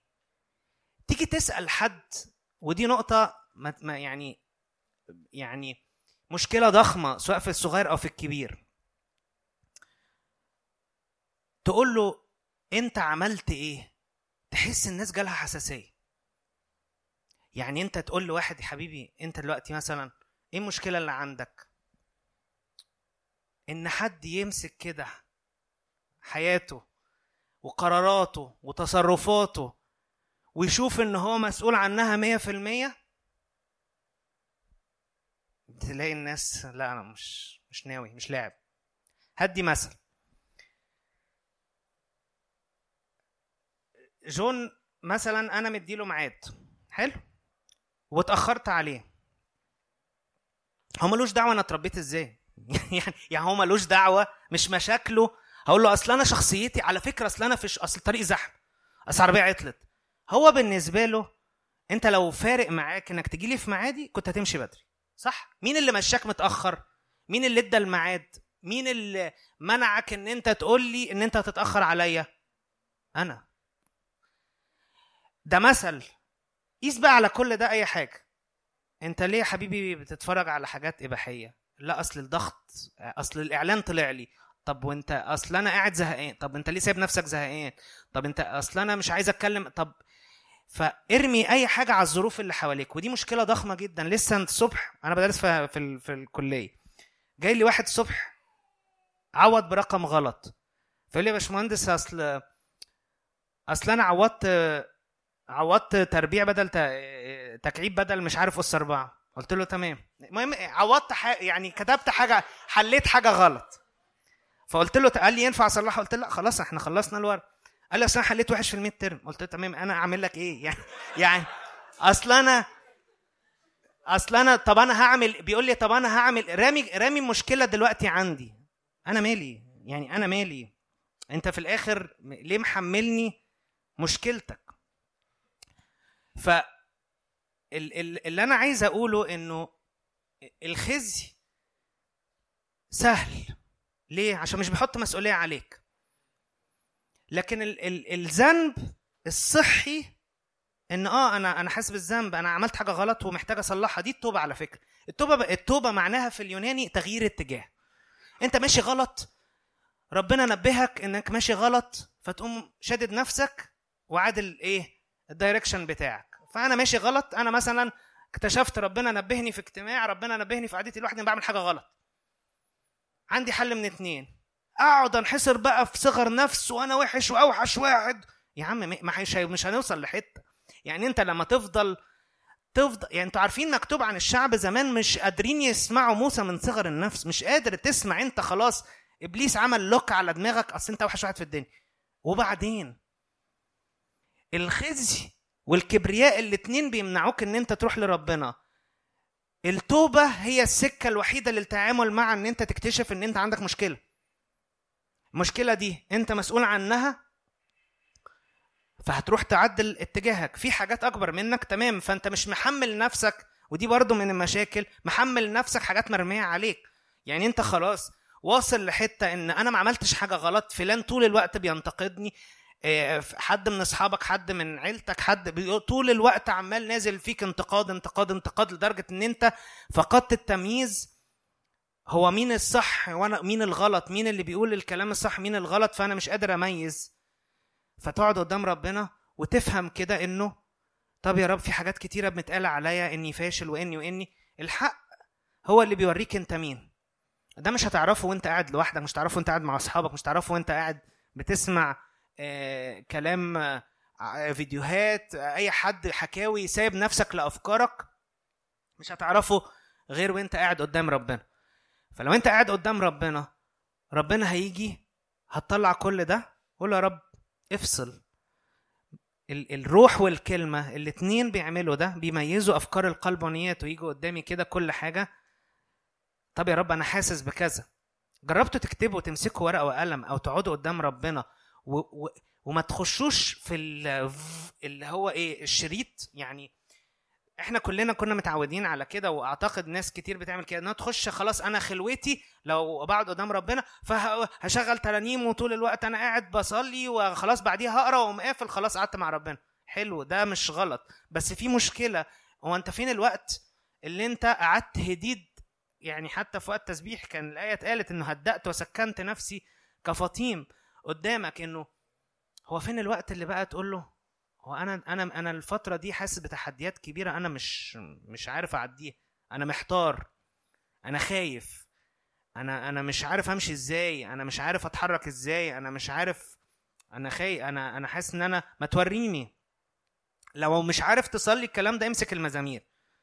يعني مزامير كده مثلا تشوف داود يقول له اختبرني واعرف قلبي انظر إن كان في طريقا باطلا واهدني طريقا ابديا. وريني.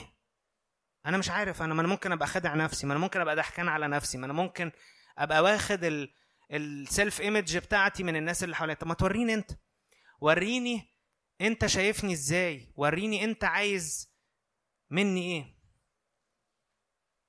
ف اللي أنا عايز أقوله الحاجتين اللي بيمنعونا من إن إحنا نقعد قدام ربنا الكبرياء وصغر النفس والاثنين بيوصلوا نفس النتيجة. الكبرياء إن أنت بتحس إيه؟ أنا مش محتاج أقعد مع ربنا أصلا. أنا عارف أنا عارف. تيجي تتكلم أو أنت لوحدك كده مع نفسك أنا عارف هتتعمل إزاي. هي شكلها حلو شكلها إنك جامد وشكلها إنك شاطر وشكلها إنك عارف تمشي كل حاجة بس هي فعليا إيه؟ هي برضو خوف من إن أنت تقعد قدامه زي ما أنت. والخوف ده أصلا ما هو دي ده اللي ده اللي بيجنن الواحد. الخوف ده كله كذب. إبليس قدر ينسج في دماغنا بشكل فظيع إن لو أنت فيك مشكلة ربنا هيرفضك. وقدر هو هو إبليس اللي حصل. إحنا معقدين قوي يا جماعة. يعني إحنا أنت لو فاكر إن الموضوع بسيط الأفكار والمشاعر والإرادة والحاجات دي الموضوع معقد بشكل لا تتخيلوه لو قريته فيه شوية. فهو إبليس لما جه يضرب صورة ربنا ما ضربش صورة ربنا في الاجتماعات هو ضربها في العيلة أصلا. يعني هو إبليس لما تيجي تقول لحد إنه الله زي أبويا يقول لك طب ما أبويا أصلا كان سايبنا طول الوقت. أبويا ما بيتعاملش معايا. أبويا كان بيضربني. هو أبويا أصلا يعني أنت بتكلمني على حاجة ح- يعني هو أصلا أبويا ما كانش حلو. طب ما أبويا أصلا طول الوقت بيقارني وبيهزقني وأنت بتقول لي لما ربنا زي أبويا ولا ربنا زي أمي طب ما أمي طول الوقت بتنتقدني بتقول لي انت فاشلة وما بتعرفيش فإيه الحلو؟ فهو إبليس ولازم تدرك إن هو إبليس مش مش مش مش أبله يعني. هو عارف كويس قوي وفي حرب ممنهجه علينا. وبالذات في وقت الكورونا لو أنا ما أعرفش ده ملاحظة شخصية كانت في حرب على الأنظمة العائلية بشكل غير عادي. إنه كأنه غير طبعا اللي حصل في العالم والاقتصاد وكده بس تحس إنه في هجمة على العلاقات الأسرية وعلى الجوازات وعلى وعلى كأنه وكمية ناس اتطلقت وكمية ناس سابوا بعض و و. ليه؟ ما هو ده الهدف. هو العيلة لو اتضربت كل حاجة هتتضرب كل حاجة هتتضرب. عشان كده ربنا عايز يرجع الإنسان للصورة اللي فيها يبقى مرتاح وحاسس إنه أنا محبوب وأنا مقبول وأنا وأنا والكلام ده كله. فاللي إحنا محتاجينه إن إحنا نيجي نفهم يا رب أنا مين وأنا كان المفروض أصلا أبقى عامل إزاي. فدي مش مسؤوليتنا. يعني يعني دي مسؤوليتنا طبعا بس قصدي إنه في الآخر كل اللي إحنا بنتكلم فيه ده ربنا أمين جدا إن هو يدور على كل واحد فينا ويمشي السكة دي للآخر معاه. لو أنتوا رجعتوا للحتة اللي قريناها هو بيقول إيه؟ كل ما يأتي بالثمر ينقيه ليأتي بالثمر أكتر. مين اللي بيعمل شغل التنقية؟ ال... الكرام اللي هو أبي. هو بيقول أنا الكرم الحقيقية وأبي الكرام. كل ما يأتي بثمر ينقيه ليأتي بثمر أكثر. إذ- كما إن الغصن لا يقدر أن يأتي بثمر من ذاته كذلك أنتم أيضا إن لم تثبتوا في. بدوني لا تقدرون أن تفعلوا شيء. ربنا مسؤول إن هو يطلع ثمر مننا. أنا مش مطلوب مني غير إني أثبت. مش مطلوب مني غير إني أكون في المكان الصح. مش مطلوب مني غير إن أنا أكون حاطط نفسي في الحتة اللي أنا فيها قادر أكون نفسي قدامه. أنا مش محتاج إن أنا أعمل حاجة. أنا مش محتاج أعمل حاجة. أنتم متخيلين؟ مش بس التلاميذ. بصوا على يسوع طول ما هو ماشي في الأرض. المرأة الخاطية. الست اللي كسرت قارورة الطيب. اللي عملت كل دول. كل دول ناس ملفوظين مرفوضين. السامرية. الناس دي يا جماعة حسالة المجتمع في وقت يسوع. الناس دي ما ينفعش أصلا يتب... ي- ما حدش يبص لهم. الناس دي ما ما فكرتش مرتين قبل ما تروح ليسوع. انت مش محتاج تعمل حاجة انت مش محتاج تحس انه أنا اصل أنا وحش قوي. ما هو عارف انك وحش قوي وبعدين ما عليكش غير مسؤولية واحدة أقوم وأرجع إلى أبي. وده مش ابن الضال اللي هو عملها مرة واحدة ده موقف طول الوقت كل ما تحس إنك بعدت ومش ثابت قول له أقوم وأرجع إلى أبي. أنا محتاج أكون في الحتة دي. أنا مش مش جاي مش جاي أبهرك أنا جاي أثبت. أنا جاي أتغرس هنا. أنا جاي أقعد هنا. ولما هقعد كل حاجة تتغير. ما أنا خلاص ما حطيت نفسي هنا خلاص تتصرف بقى. نقيني باجي بسمر قول لي مش باجي في. في حتت في حياتي ما بتجيش بسمر اقطعها. في أماكن في تص... في في في اتجاهات في حياتي مش جايبه نتيجه اقطعها. و... و... بس خليك مستعد. هو هو الرحلة مش سهلة وده المشكلة إن إحنا عايزين حاجة سريعة. لأ هي مش حاجة سريعة ومش حاجة سهلة. الت... ال... إنك أنت تيجي لربنا وتقول له أنت عايز تتغير ولا عايز حاجة سهلة؟ حاجة سهلة. أنا عارفين فكرت في وقت إنه مش دايما السهل يعني مش دايما السهل حلو. يعني الناس الهوملس اللي في الشارع دول عارفينهم الناس اللي بيبقوا مرميين كده قاعدين هم دول عايشين صح؟ عليهم مسؤوليات ما بيعملوش حاجة. يعني ده انت لما تفكر أنا عارف ان الصورة مزرية عشان هم مش نضاف وقاعدين مرميين كده بس انت فكر فيها هتلاقي انه ده حلم كبير لناس كتير. انت عايز إيه؟ انت مش عايز تتحمل مسؤولية مش عايز اي حاجة مش عايز وش مش عايز وجع دماغ عايز تفضل قاعد في حالك بتاكل بقى ايا كان الأكل بتشرب مش بالشكل المزري ده بس هي دي الحياة اللي ما فيهاش أي حاجة ولا فيها مسؤوليات وفي حد يقول لك اصحى إمتى ونام إمتى وتعمل إيه. فمحدش قال إن الحياة السهله هي حياة ليها قيمة. يسوع نفسه مكتوب عنه تعلم الطاعة مما تألم به. في نوعين من الألم. في نوع من الألم محتاج تكون متقبله ورايح له بنفس مفتوحة لأنك أنت عارف إنه الألم ده هيخليني إنسان أحسن. ما ينفعش تهرب من كل الألم. ما ينفعش دايما تكون بتحاول إن أنت تاخد السكة السهلة. لأن السكة السهلة. ده كلام يسوع آخرتها هلاك. بس الباب الضيق آخرته حياة. برضو أنا مش بتكلم على عشق الألم لأجل الألم ولكن الألم بتاع ال... الألم ال... ال... ال... ال... الرب حطه في الحياة علشان ده مش مش الرب حطه ما تفهمونيش برضو غلط. ده الألم الم... المقترن بالنجاح. يعني محمد صلاح حلو؟ ده ناجح ولا لأ؟ أكيد ناجح. تمام؟ بيتدرب كام ساعة في اليوم؟ بيلعب بي- بيشتغل على نفسه قد إيه؟ بي بي يعني ده, هو أكيد مش مرتاح. يعني أكيد مش مرتاح بمعنى إيه؟ قاعد على الكنبة بالظبط. أكيد ال- اللي بياخد نوبل مش عارف فين ولا بيعمل أبحاث إيه أكيد ال- اللي بيخدم بيروح قوافل وبيعمل ده مش مرتاح. مش مرتاح بمعنى إن هو مش مريح نفسه. فهو متحمل مشقات وده اللي بولس قاله أنا بتحمل مشقات. فبتحمل مشقات دي ليه؟ عشان أنا أكون زي يسوع. هو إحنا مش بنتعب علشان السكة لازم لها تعب. لأ هو هو بالعكس هو أنا بختار بختار التكلفة دي عشان أكون أحسن. ف فأنت سهل إن أنت ما تجيش ما, ما تعيش من غير ثمر تعيش من غير حاجة وتعيش في حالك وخلاص ما حدش ما حدش ي- يجي جنبك تمام؟ يعني انت لو جيت سألتني هو أسهل إن انت تعيش متجوز ولا single أكيد أسهل تعيش single بغض النظر عن ال- التحديات ال- ال- اللي انت قاعد فيها بس single انت عايش بطولك تمام؟ فيها تحديات تانية مش بتكلم كل واحد طبعا وقصته بس أنا بتكلم فكرة إن انت بتختار إن انت تخش في التزام أبدي مع حد تاني طول الوقت بفلوسكو بوقتكو بتصرفاتكو بإن أنت بتجيبوا عيال بالمسؤوليات بكل ده. لا مش اختيار سهل. مش اختيار سهل بس ليه قيمة. فاللي أنا بتكلم فيه إنه مش دايما الحاجة اللي ليها قيمة هتكون سهلة. فأنت لو أنت عايز تكون شخص ليك قيمة تقبل إن أنت هت- هتبذل مجهود. والمجهود ده ممتع لأن أنت في الآخر هتلاقي نتيجة. تمام؟ فيسوع مكتوب إنه وهو رايح الصليب في وقت بيقول لك كان عرقه يتصبب كإيه؟ كقطرات دم. بس تلاقي مكتوب عنه إيه؟ من أجل السرور الموضوع امامه وهو ده الفكرة. يعني وأنا قاعد طول الوقت أنا باصص إنه يا رب كان أسهل قوي إن أنا ما أعملش كذا. بس في نفس الوقت أنا باصص على الجايزة. أنا مش مرتاح بس أنا باصص على الجايزة. وأنت باصص على الجايزة بتحس إن الألم ده مش حاجة صعبة.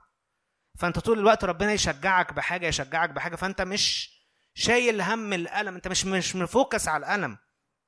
يعني أكيد آه، محمد صلاح وهو واخد هداف الدوري الإنجليزي والناس كلها كاتبة عليه آه، أحسن لعيب في العالم لما جاب الجون قدام مانشستر سيتي ورقص الناس كله الجرايد أكيد مش فاكر الساعات اللي في الجيم بالعكس ده يديله motive إن هو يروح يلعب أكتر ويتدرب أكتر. هو ده الفكرة. لما لما انت تروح تصلي لحد عيان وتلاقي ان انت صليت مش عارف لكام واحد وما حصلش حاجة فبس ربنا يديك تشجيع في وقت فتلاقي إيه ده؟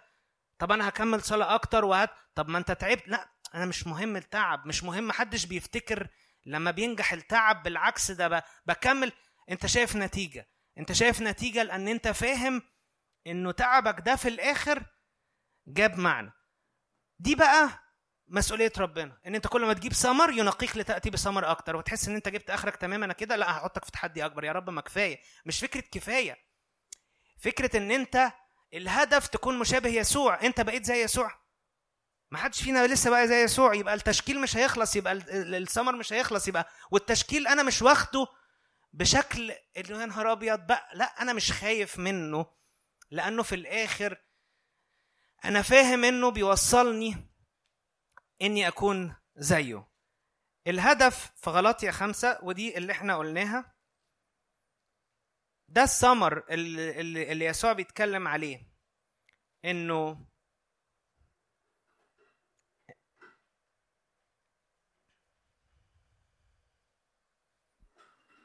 بيقول كده في عدد 16 إنما أقول اسلكوا بالروح فلا تكملوا شهوة الجسد لأن الجسد يشتهي ضد الروح والروح ضد الجسد. هذان يقاوم أحدهما الآخر حتى تفعلون ما لا تريدون. إذا انقضتم بالروح فلستم تحت الناموس. أعمال الجسد ظاهرة. هي زنا عهارة نجاسة دعارة عبادة أوثان سحر عداوة خصام سحر عداوة خصام غيرة سخط تحزب شقاق بدعة حسد قتل سكر بطر وأمثال هذه التي أسبق فأقول لكم عنها. سبق كما سبقت. فقلت إن الذين يفعلون مثل هذه لا يرثون ملكوت الله. هنا بيتكلم على حاجات كتير قوي تبان عادية. يا جماعة ما هو إحنا الفكرة ليه ليه الناس بتعيد نفس القصة؟ إن أنت بتعمل حاجات غلط. الحاجات الغلط دي بتدخلك في سكك غلط. فما بتورثش ملكوت الله. ملكوت الله اللي هو إيه؟ بر وفرح وسلام. فتلاقي واحد طول الوقت متوتر. يا ابني مالك؟ ما هو أنا أصل مثلا مقيد. طب ماشي أنت مقيد سايب نفسك ليه؟ أصل أنا زهقان. طب سايب نفسك ليه زهقان؟ طب ما أنا أصل أنا في حاجات ما في سكتين. سكة الجسد مش هتوصلك لحتة وسكة الروح هي اللي هتوصلك للحياة. ثمر الروح هو محبة فرح سلام طول أناة لطف صلاح إيمان وداعة تعفف. ضد أمثال هذه ليس ناموس. ثمر الروح هو اللي ربنا عايزه يشوفه وإحنا وده اللي صدقوني نفسنا كلنا نشوفه. يعني ده ده ده الحلم بتاعنا. يعني انت لما تيجي تقول لحد انت إيه اقصى احلامك في الحياة؟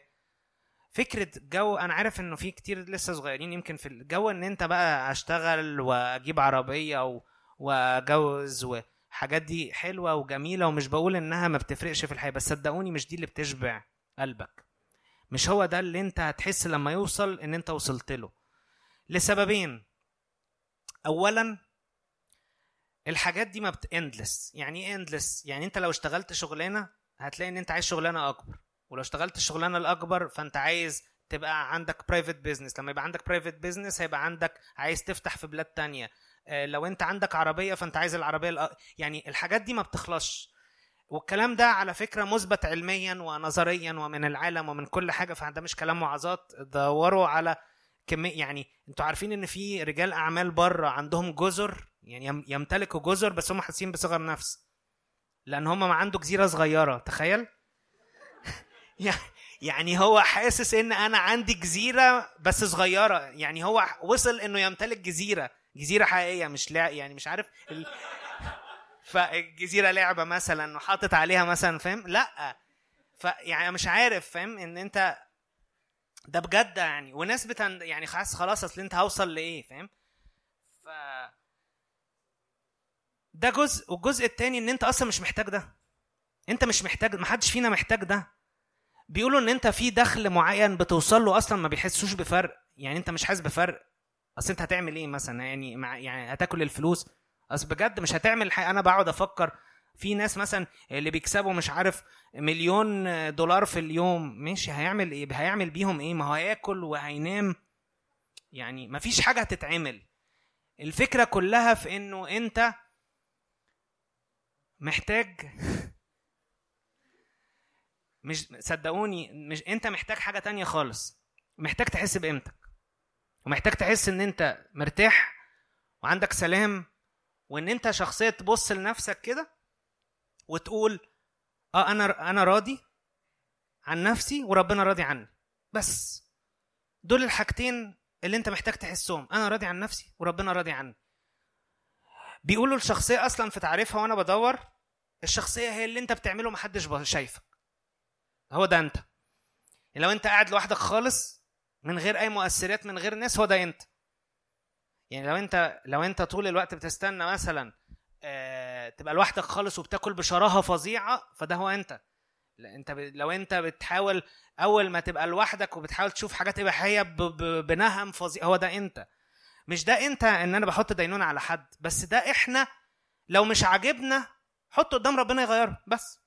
هو ده اللي أنا ده اللي فارق معايا أقوله النهارده. أنت مش محتاج تجمل حاجة ومش محتاج ت... أنت بس ده اختيار.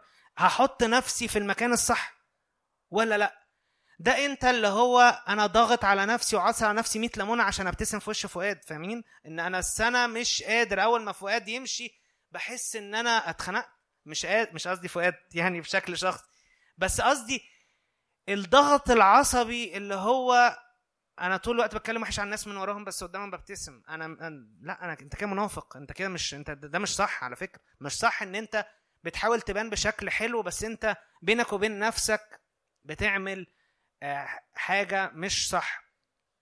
الثمر ده بيطلع لوحده.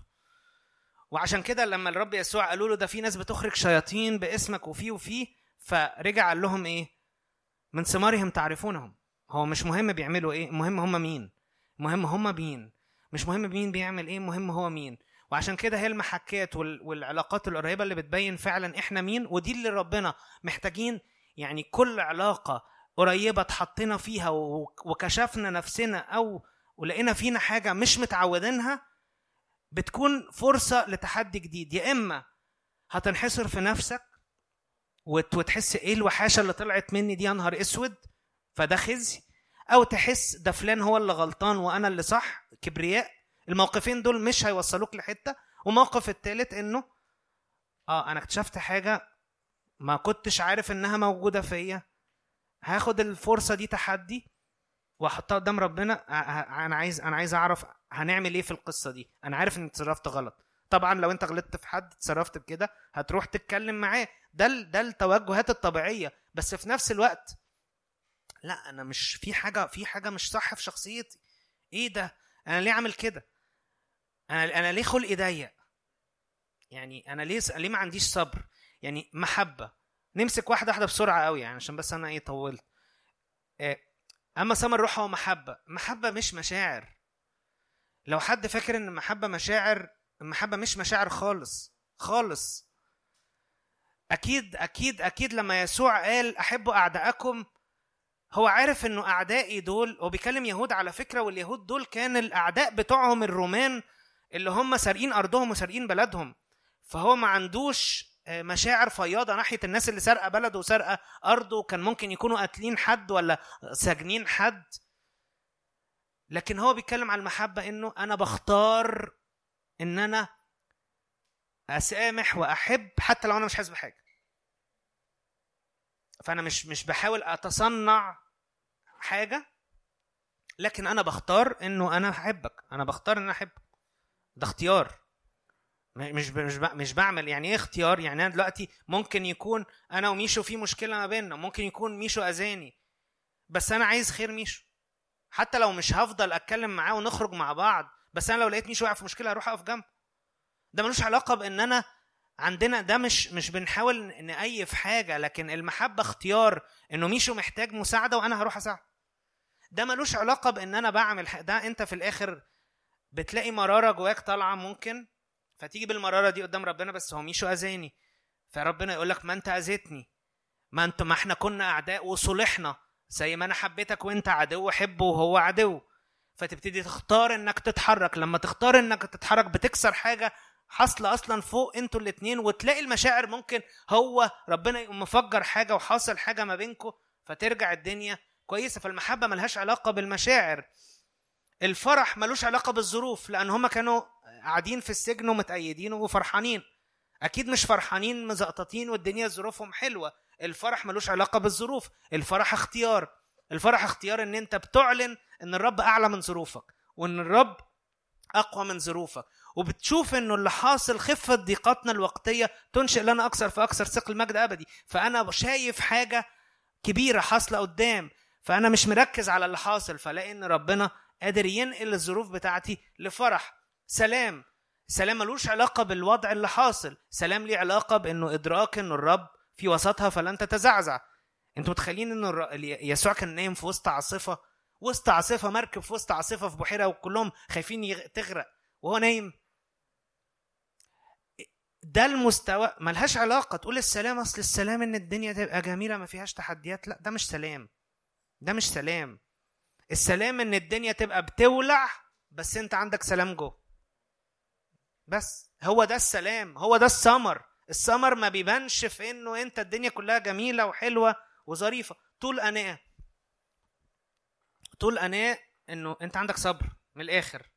والصبر يعني أنا مش عايز أفضل أفتح شواهد. في يعقوب واحد بيقول طوبى للرجل الذي يحتمل التجربة لأنه إذا تزكى ينال إجليل الحياة هو في الآخر ال- ال- الصبر ناس كتير بتحس أنا مش قادر خلقي ضيق. ماشي ما هو خلقك ضيق يبقى هنا في مشكلة. أنا مش عايز أدفع الثمن إنه يعني مش عايز أصبر مش عايز أصبر. يعني أنا أنا خدت بالي من الموضوع ده. أنا مثلا تخنت جامد السنة اللي فاتت. حلو تخنت في وقت الكورونا ده جامد قوي بتاع 10 كيلو ولا حاجة. ف وأنا كنت زمان بخس بسهولة. المهم قررت بقى إيه لا هخس وبتاع. مش عارف أخس يعني بخس ببطء وبروح الجيم وبعمل كل حاجة.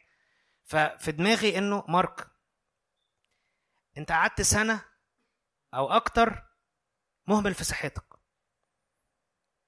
مش هي مش مش مش هتخس في شهرين مش هتخس في ثلاثة هتخس وبتخس وربنا بيشجعني وممكن أحس إن أنا إيه ده بخس ببطء تلاقي حد إيه ده لا أنت خسي فهتشجع ألاقي إن أنا مثلا بس هو الفكرة في إيه؟ أصبر. ما أنا كذا مرة بلاقي إن أنا وصلت لحتة وخلاص بقى لا مش قادر.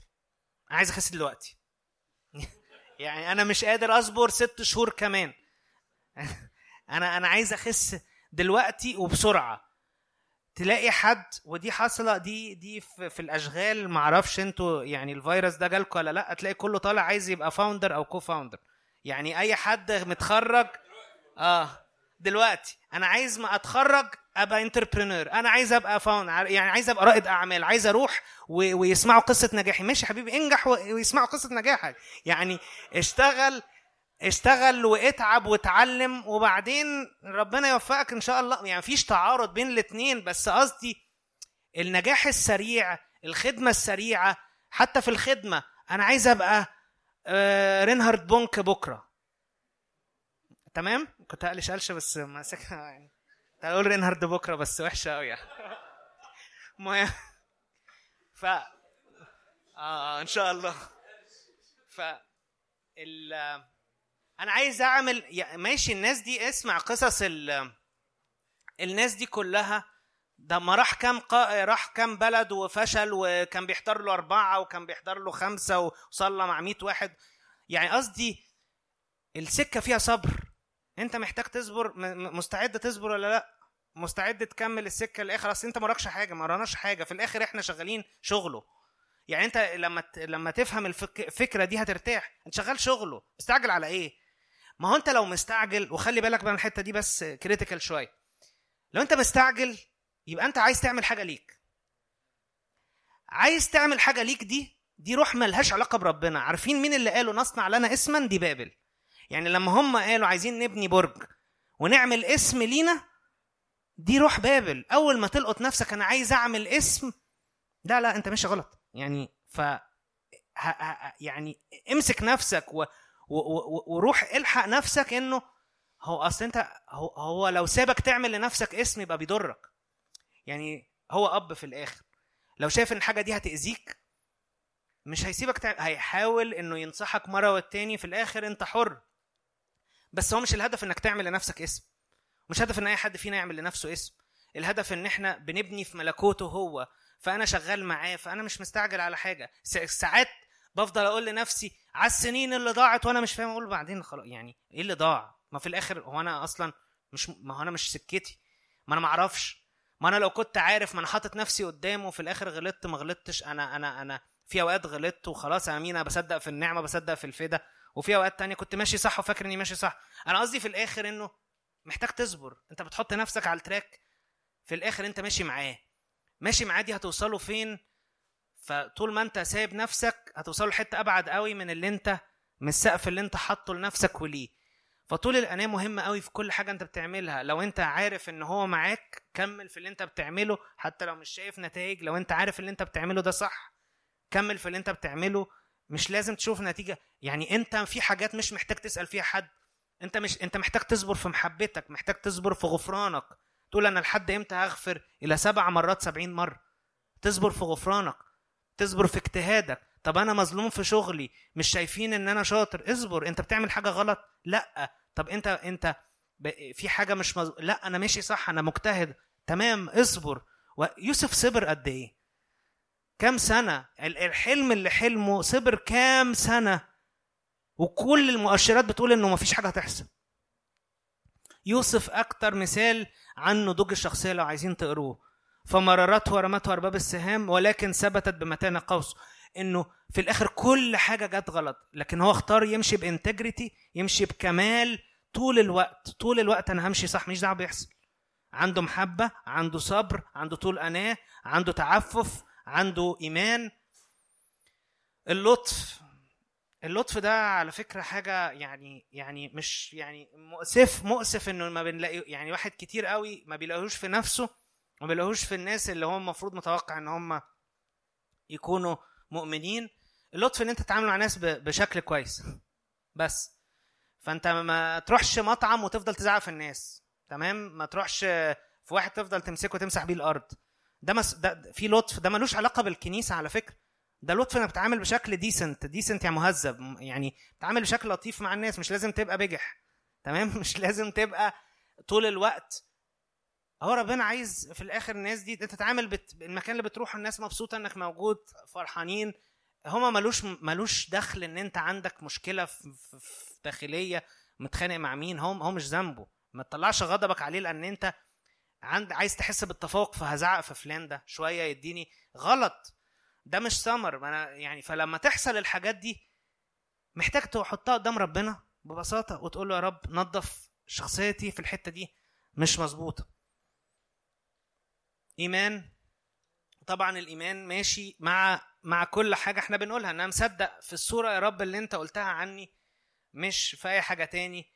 وداعة والتعفف إن أنا أكون ضابط نفسي والكلام ده كله. أنا اتكلمت كتير قوي فهحاول ألخص الكلام ده كله في جملتين بساط. كل اللي أنت محتاج تكونه إنك تكون حقيقي وتثبت في الغصن تثبت في الكرمة إن أنت تيجي بنفسك كده تقول له يا رب أنا مستعد آخد الرحلة دي. محدش الرحلة مش سهلة بس رحلة ممتعة. في الآخر أنت لما تبص لنفسك وتشوف هو أنا لو ما كنتش أخدت القرار إن أنا أكون شخص زيك وشبهك يا رب هو أنا كنت هبقى فين؟ وهل أنا وصلت؟ فأنت لما تلاقي لا لسه بعيد قوي. أنا لسه في مليون حاجة فيها عايزة تتغير. تمام إحنا مكملين مع بعض مفيش حاجة حصلت. لحد ما أبقى زيك؟ لأنه في الآخر الحياة بتاعتنا دي كلها وده آخر شاهد أقراه يعني.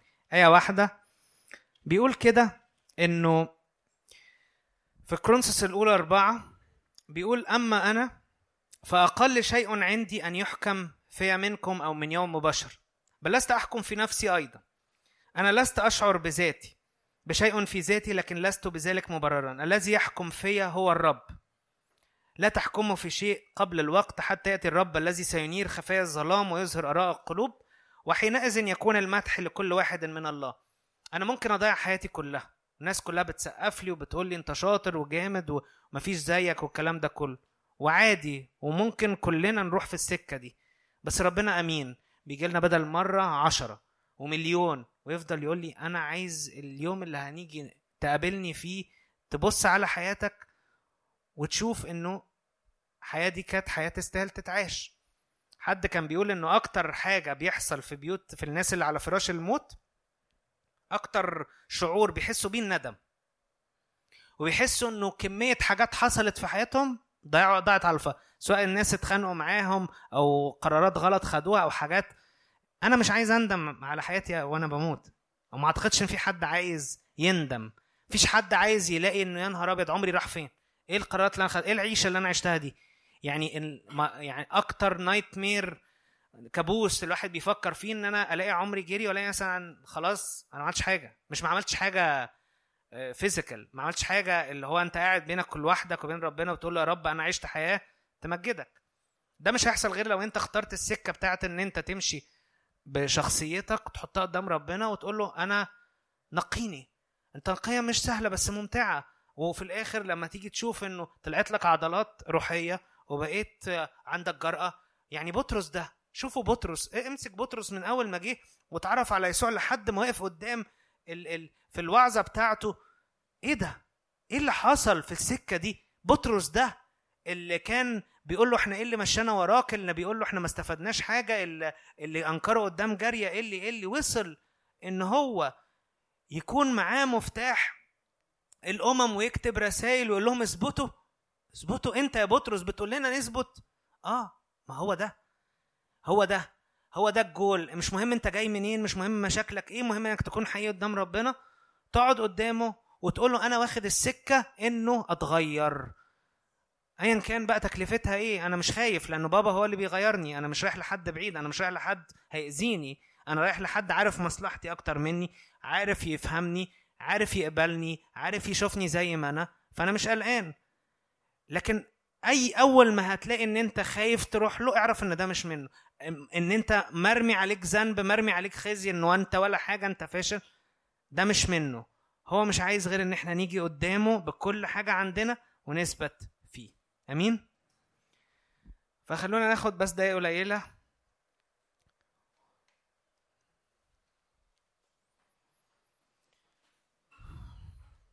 قول له يا رب أنا بحبك.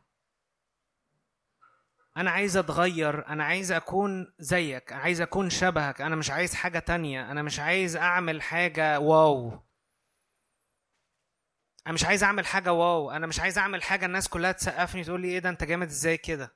مش ده الهدف. أنا مش عايز أحس أبص قد إيه إنجازاتي كتير قوي أنا هم مش ده قيمتي. الرسول بولس على فكرة قال كده. قال أنا كنت وكنت وكنت ولكن ما حسبته ربحا فهذا خسرته من أجل المسيح. في الآخر هو كان كل ده مش كفاية عنده هو كان كفاية إن هو يعرف يسوع يعرفه بجد. عرف موسى طرق قول أنا عايز أعرف طرقك. مش عايز أعرف أفعالك. أفعالك ما أنا عارفها. ما أنا شفت إيدك بتنقذني من الموت 100 مرة وشفت إيدك بتنجحني 100 مرة وشفت مليون مرة بتستر عليا. أنا شفت معجزات كتير وكلنا شفنا معجزات كتير بس أنا عايز أعرفك أنت. أنا مش عايز حاجة أنا عايزك أنت. يا رب أنا مش عايز أكون شخصية ضعيفة أنا عايز تكون الرجلتين بتوعي أقوياء أنا عايز إن الرجلتين بتوعي يكونوا عندي شخصية وعندي مواهب عندي سمر وعندي مواهب. أنا مش عايز لو حصل وجيت افتقدتني بنهضة أو استخدمتني في خدمة عظيمة إن الخدمة دي تقع لأن أنا شخصية مش عارف أرعى الناس ومش عارف أحبهم مش عارف أتعامل معاهم بلطف أو عنديش آه طهارة أو قداسة أو بتعامل مع البنات بشكل مش كويس. أنا مش عايز لما يحصل نهضة إن أنا واؤتمن و على حاجة معرفش أسيطر عليها. أنا مش عايز لو اغتنيت قوي ما تكونش عندي انتجريتي فأصرف فلوس كلها على نفسي. يا رب أنا مش عايز أكون شخصية أي كلام. أنا عايز أكون زيك. عايز أكون مرتاح ومريح لكل اللي حواليا. عايز أكون مليان بسلام ومليان بطول أناة ومليان بلطف ومليان بوداعة ومليان بفرح.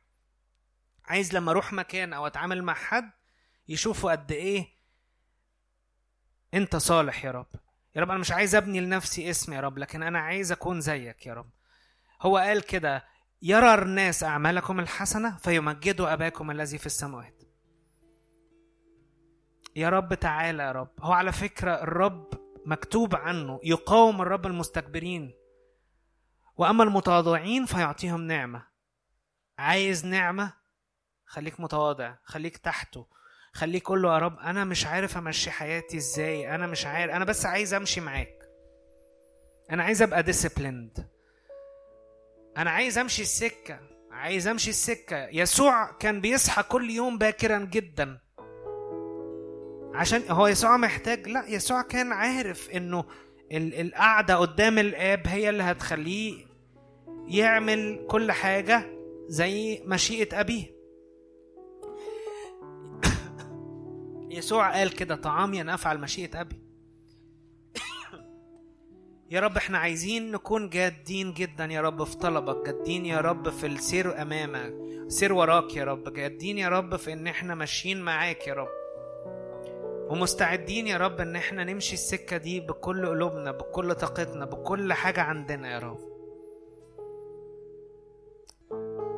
السكة مش سهلة بس السكة ممتعة لأن هو فيها. في العالم سيكون لكم ضيق ولكن ثقوا أنا قد غلبت العالم. وهو ده الفكرة إنه العالم مش سهل التحديات مش سهلة. يوسف ما كانش قاعد مرتاح. بس يوسف بقى غصن شجرة مثمرة غصن شجرة مثمرة على عين. يوسف كان مثمر. حتى لو ما كانش مرتاح يوسف كان مثمر. فرب تعالى كده على كل واحد فينا يا رب. عايزين نكون أغصان مثمرة يا رب. أغصان مثمرة في كل مكان بنروح يا رب. فتيجي يا رب الأمم ويكون في في شفاء يا رب في في ثمرنا في تعاملاتنا يا رب. نفسنا يا رب في نهاية سنة وبداية سنة جديدة يا رب نكون بندخل بشكل مختلف جدا يا رب. على وقت يا رب فيه نكون حاملين يا رب ثمارك لكل حد بكل حتة بنروح. يا رب نكون بنتوب عن كل سكة ملهاش لازمة يا رب.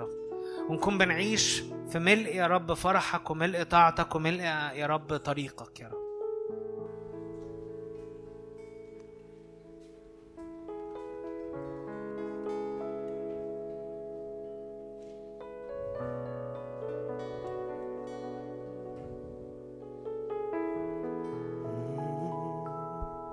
أسمعك تدعوني. اصعد إلى هنا أمام عرشي أريد أن أتحدث معك فما إلى فمي وجها إلى وجهي أسمعك تدعوني. اصعد إلى هنا أمام عرشي. أريد أن أتحدث معك. فمن إلى فمي؟ وجها إلى وجهي.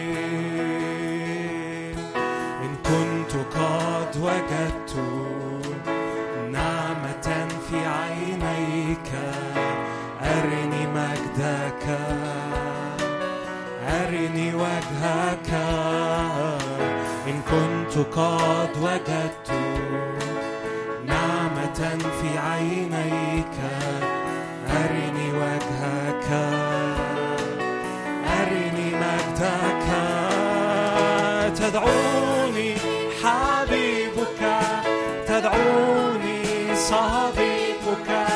وكل ما في قلبك تريد أن تخبرني تدعوني حبيبك تدعوني صديقك وكل ما في قلبك تريد أن تخبرني أنا لست بعد عبدا بل صرت ابنا واحدا معك.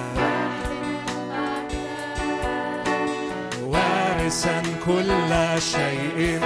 أنا لست بعد عبدا بل صرت ابنا واحدا معك. وارثا كل شيء. تدعوني حبيبك تدعوني صديقك. وكل ما في قلبك تريد تخبرني تدعوني حبيبك تدعوني صديقك وكل ما في قلبك. تري أنا لست بعد عبدا أنا لست بعد عبدا بل صرت ابنا واحدا معك. وارثا كل شيء. أنا لست بعد عبدا بل صرت ابنا واحدا معك. وارثا كل شيء. تدعوني حبيبك تدعوني صديقك. وكل ما في قلبك تريد أن تدعوني حبيبك تدعوني صديقك. وكل ما في قلبك تريد أنت تعلن سرك لي. أنت تعلن سرك لي. تعلن سرك. أنت تعلن أنت تعلن سرك. أنت تعلن قلبك لي. أنت تعلن قلبك لي. أنت تعلن قلبك لي. تدعوني تدعوني صديقك وكل ما في قلبك تريد أن تخبرني. تدعوني حبيبك تدعوني صديقك وكل ما في قلبك تريد أن تخبرني. بختار طرقك بختار أحكامك بختار وصاياك في حياتي. بختار طرقك بختار أحكامك بختار وصاياك.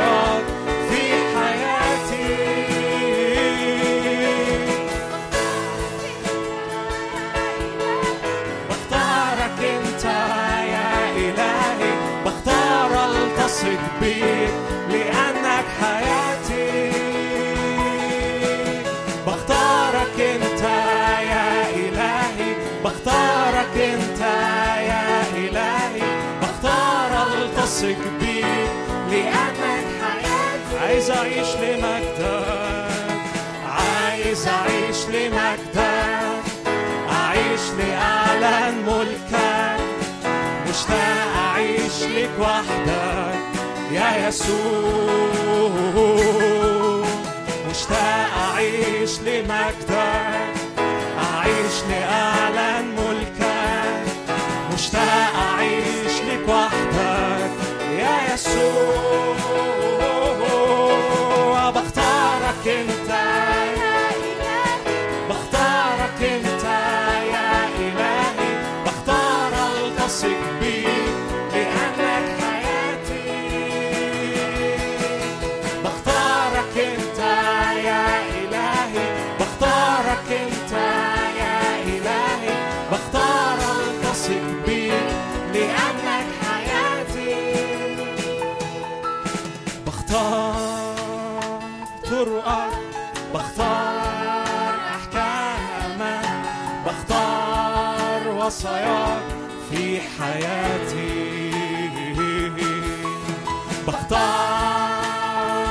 طرقك بختار أحكامك بختار وصاياك في حياتي.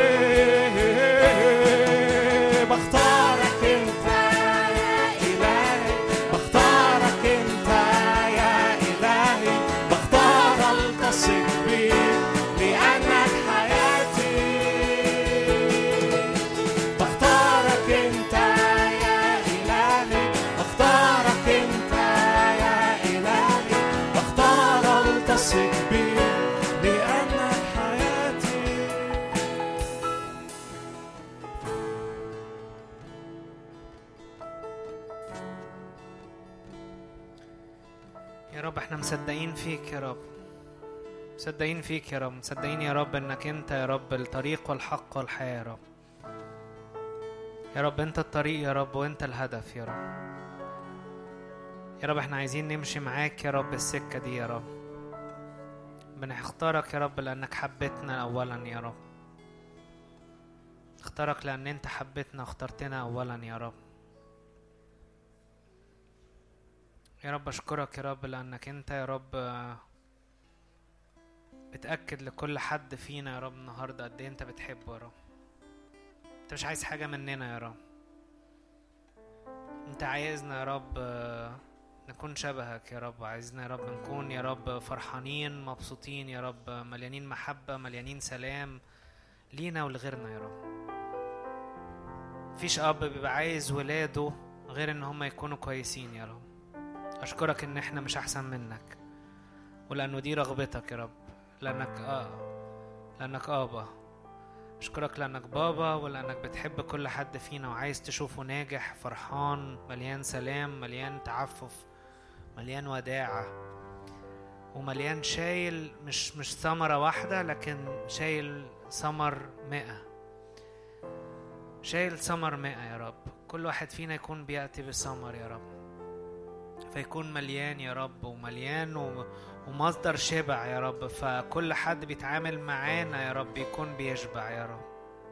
لأن إحنا نروى ونروي يا رب.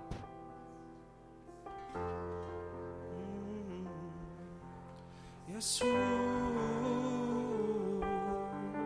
يسوع يسوع يسوع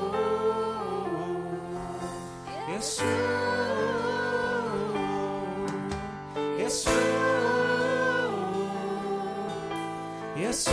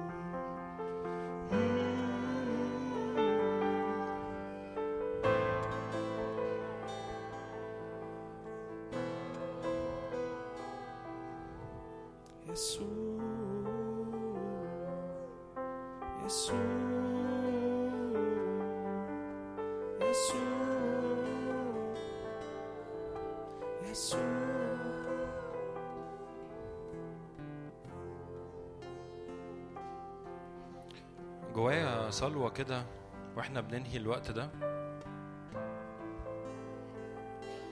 قول له يسوع تعالى خليني حقيقي قدامك.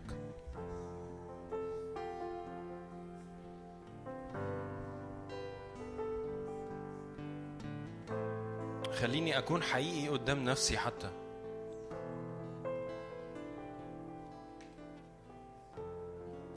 أنت فاحص النيات يا روح الله أنت فاحص. تعالى يا رب إحنا فعلا بنقول لك إحنا متاحين ليك. متاحين في الوقت اللي جاي متاحين للأزمنة اللي جاية. لو فعلا إحنا عمالين نقول عايزين نبقى شبهه وعايزين نبقى على صورته بس على مزاجنا إحنا فغالبا في حاجة غلط.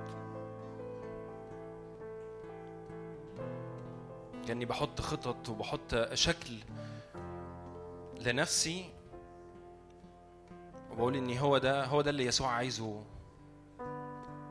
أقول له يا رب تعالى افحصني تعالى نور بنور وجهك عليا. فكأن كأن ربنا بي- بيدخل صوابعه في حتت وكأن بيشاور على حتت ويبرق حتت وينور حتت ويقول لك توب عن زي ما مارك كان بيحكي وإني أتوب عن حاجات وأتوب عن أمور وأتوب عن حاجات شكلها. كأنها في يومي العادي ماشية وكأن عادي. وعمال أصارع وأقول إني مفيش حاجة خلصانة ليه؟ مفيش حاجة بتحصل ليه؟ يا رب تعالى خلينا نبقى حقيقيين قدام نفسنا يا رب. وقدامك يا رب. كأني كل يوم بصحى الصبح وبسأل نفسي هو أنا حقيقي أصلا؟ أنا محتاج أسأل نفسي السؤال ده. مش محتاج إني أسمع يعني أنا شخصيا هرجع أسمع الوعظه دي تاني هرجع أسمع التعليم ده تاني هرجع أسمع كل كلمة خرجت النهارده لأن كأنها كأنها نفضتني نفضة كده كأني محتاج أعمل أرجع أقف مع نفسي وقفة تانية.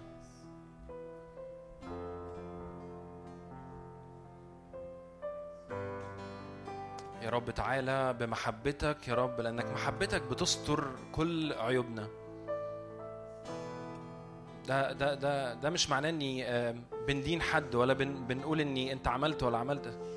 ببساطة شديدة هو محبة يسوع هي اللي بتطرح كل عيوبنا ومخاوفنا وكل حاجة كأننا مش عارفين نخلصها بنفسنا لأن هو الأب هو ال هو ال هو اللي هو اللي هي هيسلك معانا الطريق الصح. جسدنا والمجتمع وحتى الكنيسة وحتى في أوقات كتير قوي كأن بنضل بسبب إحنا بنمشي ورا اتجاهات ونمشي ورا أفكار عشان نبقى الأحسن ونبقى الأفضل. لكن عمرنا ما وقفنا قدام نفسنا وقدام يسوع ونسأله يا رب أنت بتقول عليا إيه؟ أنت بتقول عليا إيه؟ يا رب تعالى تاني يا روح الله تعالى تاني بهبوب ريح عاصفة الآن باسم يسوع. أنت فاحص النيات والقلوب يا رب. أنت تفحص يا رب نياتنا وقلوبنا وأفكارنا ومشاعرنا. أنت تفحص يا روح الله. تيجي يا رب على كل حاجة فينا معوجة وتصير مستقيمة. كل حتة فينا يا رب كأنها طالعة مش بثمار الروح القدس ونزعها يا روح الله. روح القضاء والإحراق الآن على كل أصابع على كل خطط على كل عادات وكل أفكار وكل حتى أمور متوارثة ليها علاقة بالعيلة كنا مكملين فيها. يا رب تعالى اقطع كل حاجة دلوقتي. مش صلوة تسمعها لكن صلوة صليها. قول يا رب تعالى اقطع كل حاجة من عدو الخير كانت على حياتي أو كانت مؤخرة إني حتى أقف قدامك.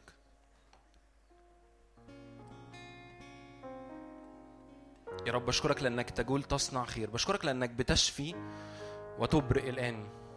كل جوايا دلوقتي إني ربنا عمال يهمس همسات يقول لي في شفاء بيحصل دلوقتي في إطلاق بيحصل دلوقتي. مش بس كانت واقفة ولا ولا وعظة سمعناها وحلوة لكن الرب كأن كل حد هنا كان شاور كأن الرب شاور حتى في وقت الوعظة دي على حاجات معينة كده في حياتك. قول له يا رب أشكرك لأن في شفاء بيحصل دلوقتي في إبراء بيحصل دلوقتي. في نهر الحياة دلوقتي بيسري في القاعة.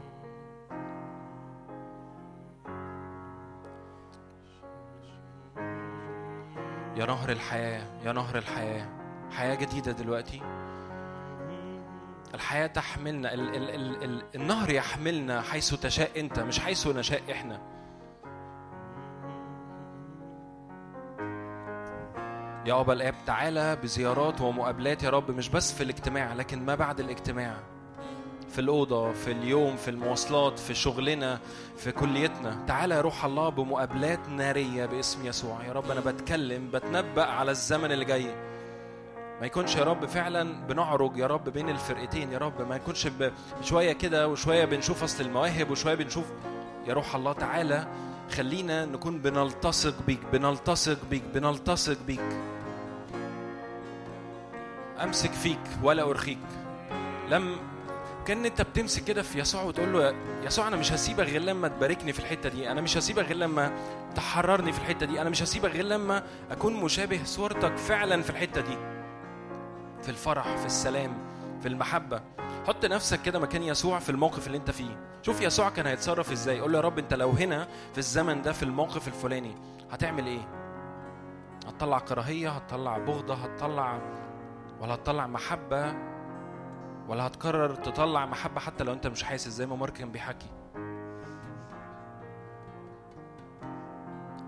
يا رب تعالى افحص تاني يا رب تعالى بموجة من التحرير. يا روح الله تعالى يا روح الله كمياه عابرة الآن باسم يسوع. كزوبعة من الحضور الناري دلوقتي باسم يسوع.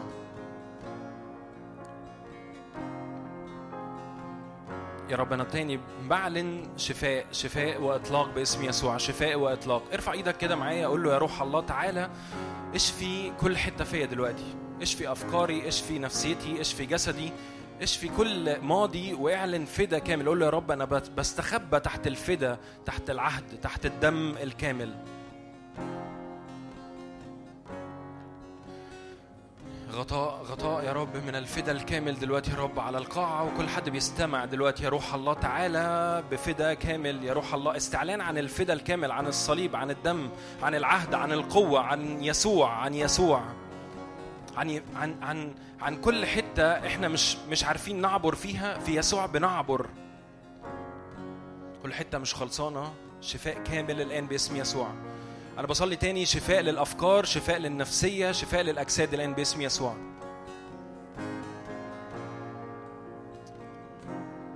من ألام من أحزان من أوجاع شفاء كامل باسم يسوع. يا روح الحياة يا روح ال- القيامة هب علينا الآن. ابرق يا روح الله ابرق يا روح الله.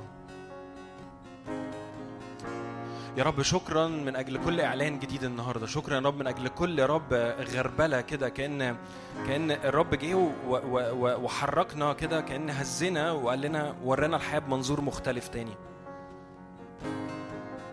يا رب شكرا من أجل كل صوت يا رب من السماء كان بيتحرك. يا رب حتى لو شكله كان مارك ماسك مايك وبيتحرك لكن هو الصوت اللي خارج منه كان صوت كأن في زوبعة من الاستيقاظ كده لل...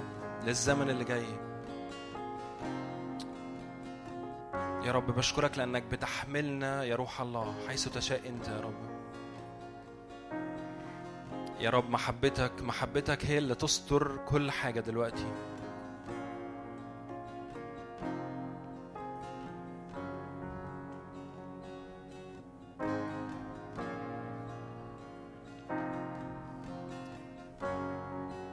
روح الله تعالى بصوت السماء علينا الوقت ده. نسمع إحنا مين فيك؟ مش نسمع أي حاجة تانية. يا روح الله تعالى يا روح الله تعالى يا روح الله تعالى يا روح الله تعالى. تعالى يا روح الله أكتر تعالى أكتر. وكل اللي فارق معايا إن مش يجي بس في القاعة لكن يكمل معانا. في قوة في الاستمرارية في قوة في الاستمرارية في اللي حاصل في المكان هنا. للاستمرارية في بيتنا في الأشغال في الكلية في أيا كان وإحنا ماشيين في المواصلات. قوة في الاستمرارية باسم يسوع. أزمنة قوة في الاستمرارية باسم يسوع. استمرارية للتبعية استمرارية يا رب إن نشوف نفسنا فعلا قوة قوة قوة جديدة. يا روح الله. أنت هو أنت هو. أنت نهر الحياة. صوتك كصوت مياه كثيرة منعشها دلوقتي. غير المشهد يا روح الله بكل مشهد خزي وعار واكتئابات وأمراض إلى مشهد سماوي دلوقتي باسم يسوع إلى يسوع. املى يا روح الله مشهد إلهي بشفاء بآيات وعجائب غير عادية باسم يسوع. صوتك كصوت مياه كثيرة باسم يسوع.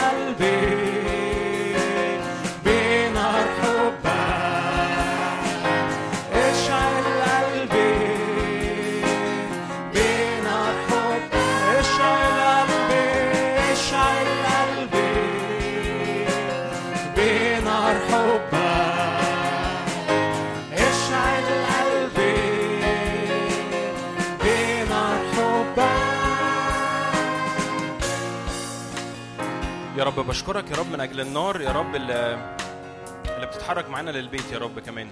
أشكرك زي ما كان في نار الروح القدس هنا في المكان.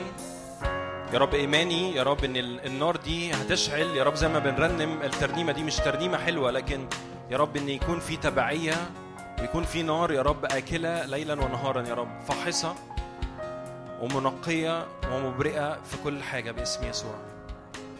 يا رب أشكرك يا رب من أجل حضور نار يا رب. حضور نار يا رب. وسحابة المجد يا رب اللي تحاوطنا ليلا ونهارا يا رب. يا رب شكرا من أجل أيام فيها قوة في الاستمرارية باسم يسوع. يا رب شكرا من أجل كل سحابة جديدة من أجل كل صوت جديد منك يا رب منعش. من أجل تغيير اتجاه يا رب الافكارنا في الزمن اللي جاي باسم يسوع. آمين. آه، أنا عايز أفكركم بس إن إحنا يوم 26 عندنا احتفال. إحنا لسه هنأكد عليكم يعني المرة الجاية هيكون هنا ولا في مكان تاني. فتابعونا يعني وللناس اللي مش هتكون آه، بتيجي ممكن تتابعونا على الصفحة. آه، دي كل التنبيهات. يوم اتنين آه، مش هيبقى فيه آه، اجتماع. هيبقى ملغي. أنا بس بقول من دلوقتي عشان لو حد في ناس بتيجي من من سفرية أو حاجة. بس دي كل التنبيهات. شكرا. أمين.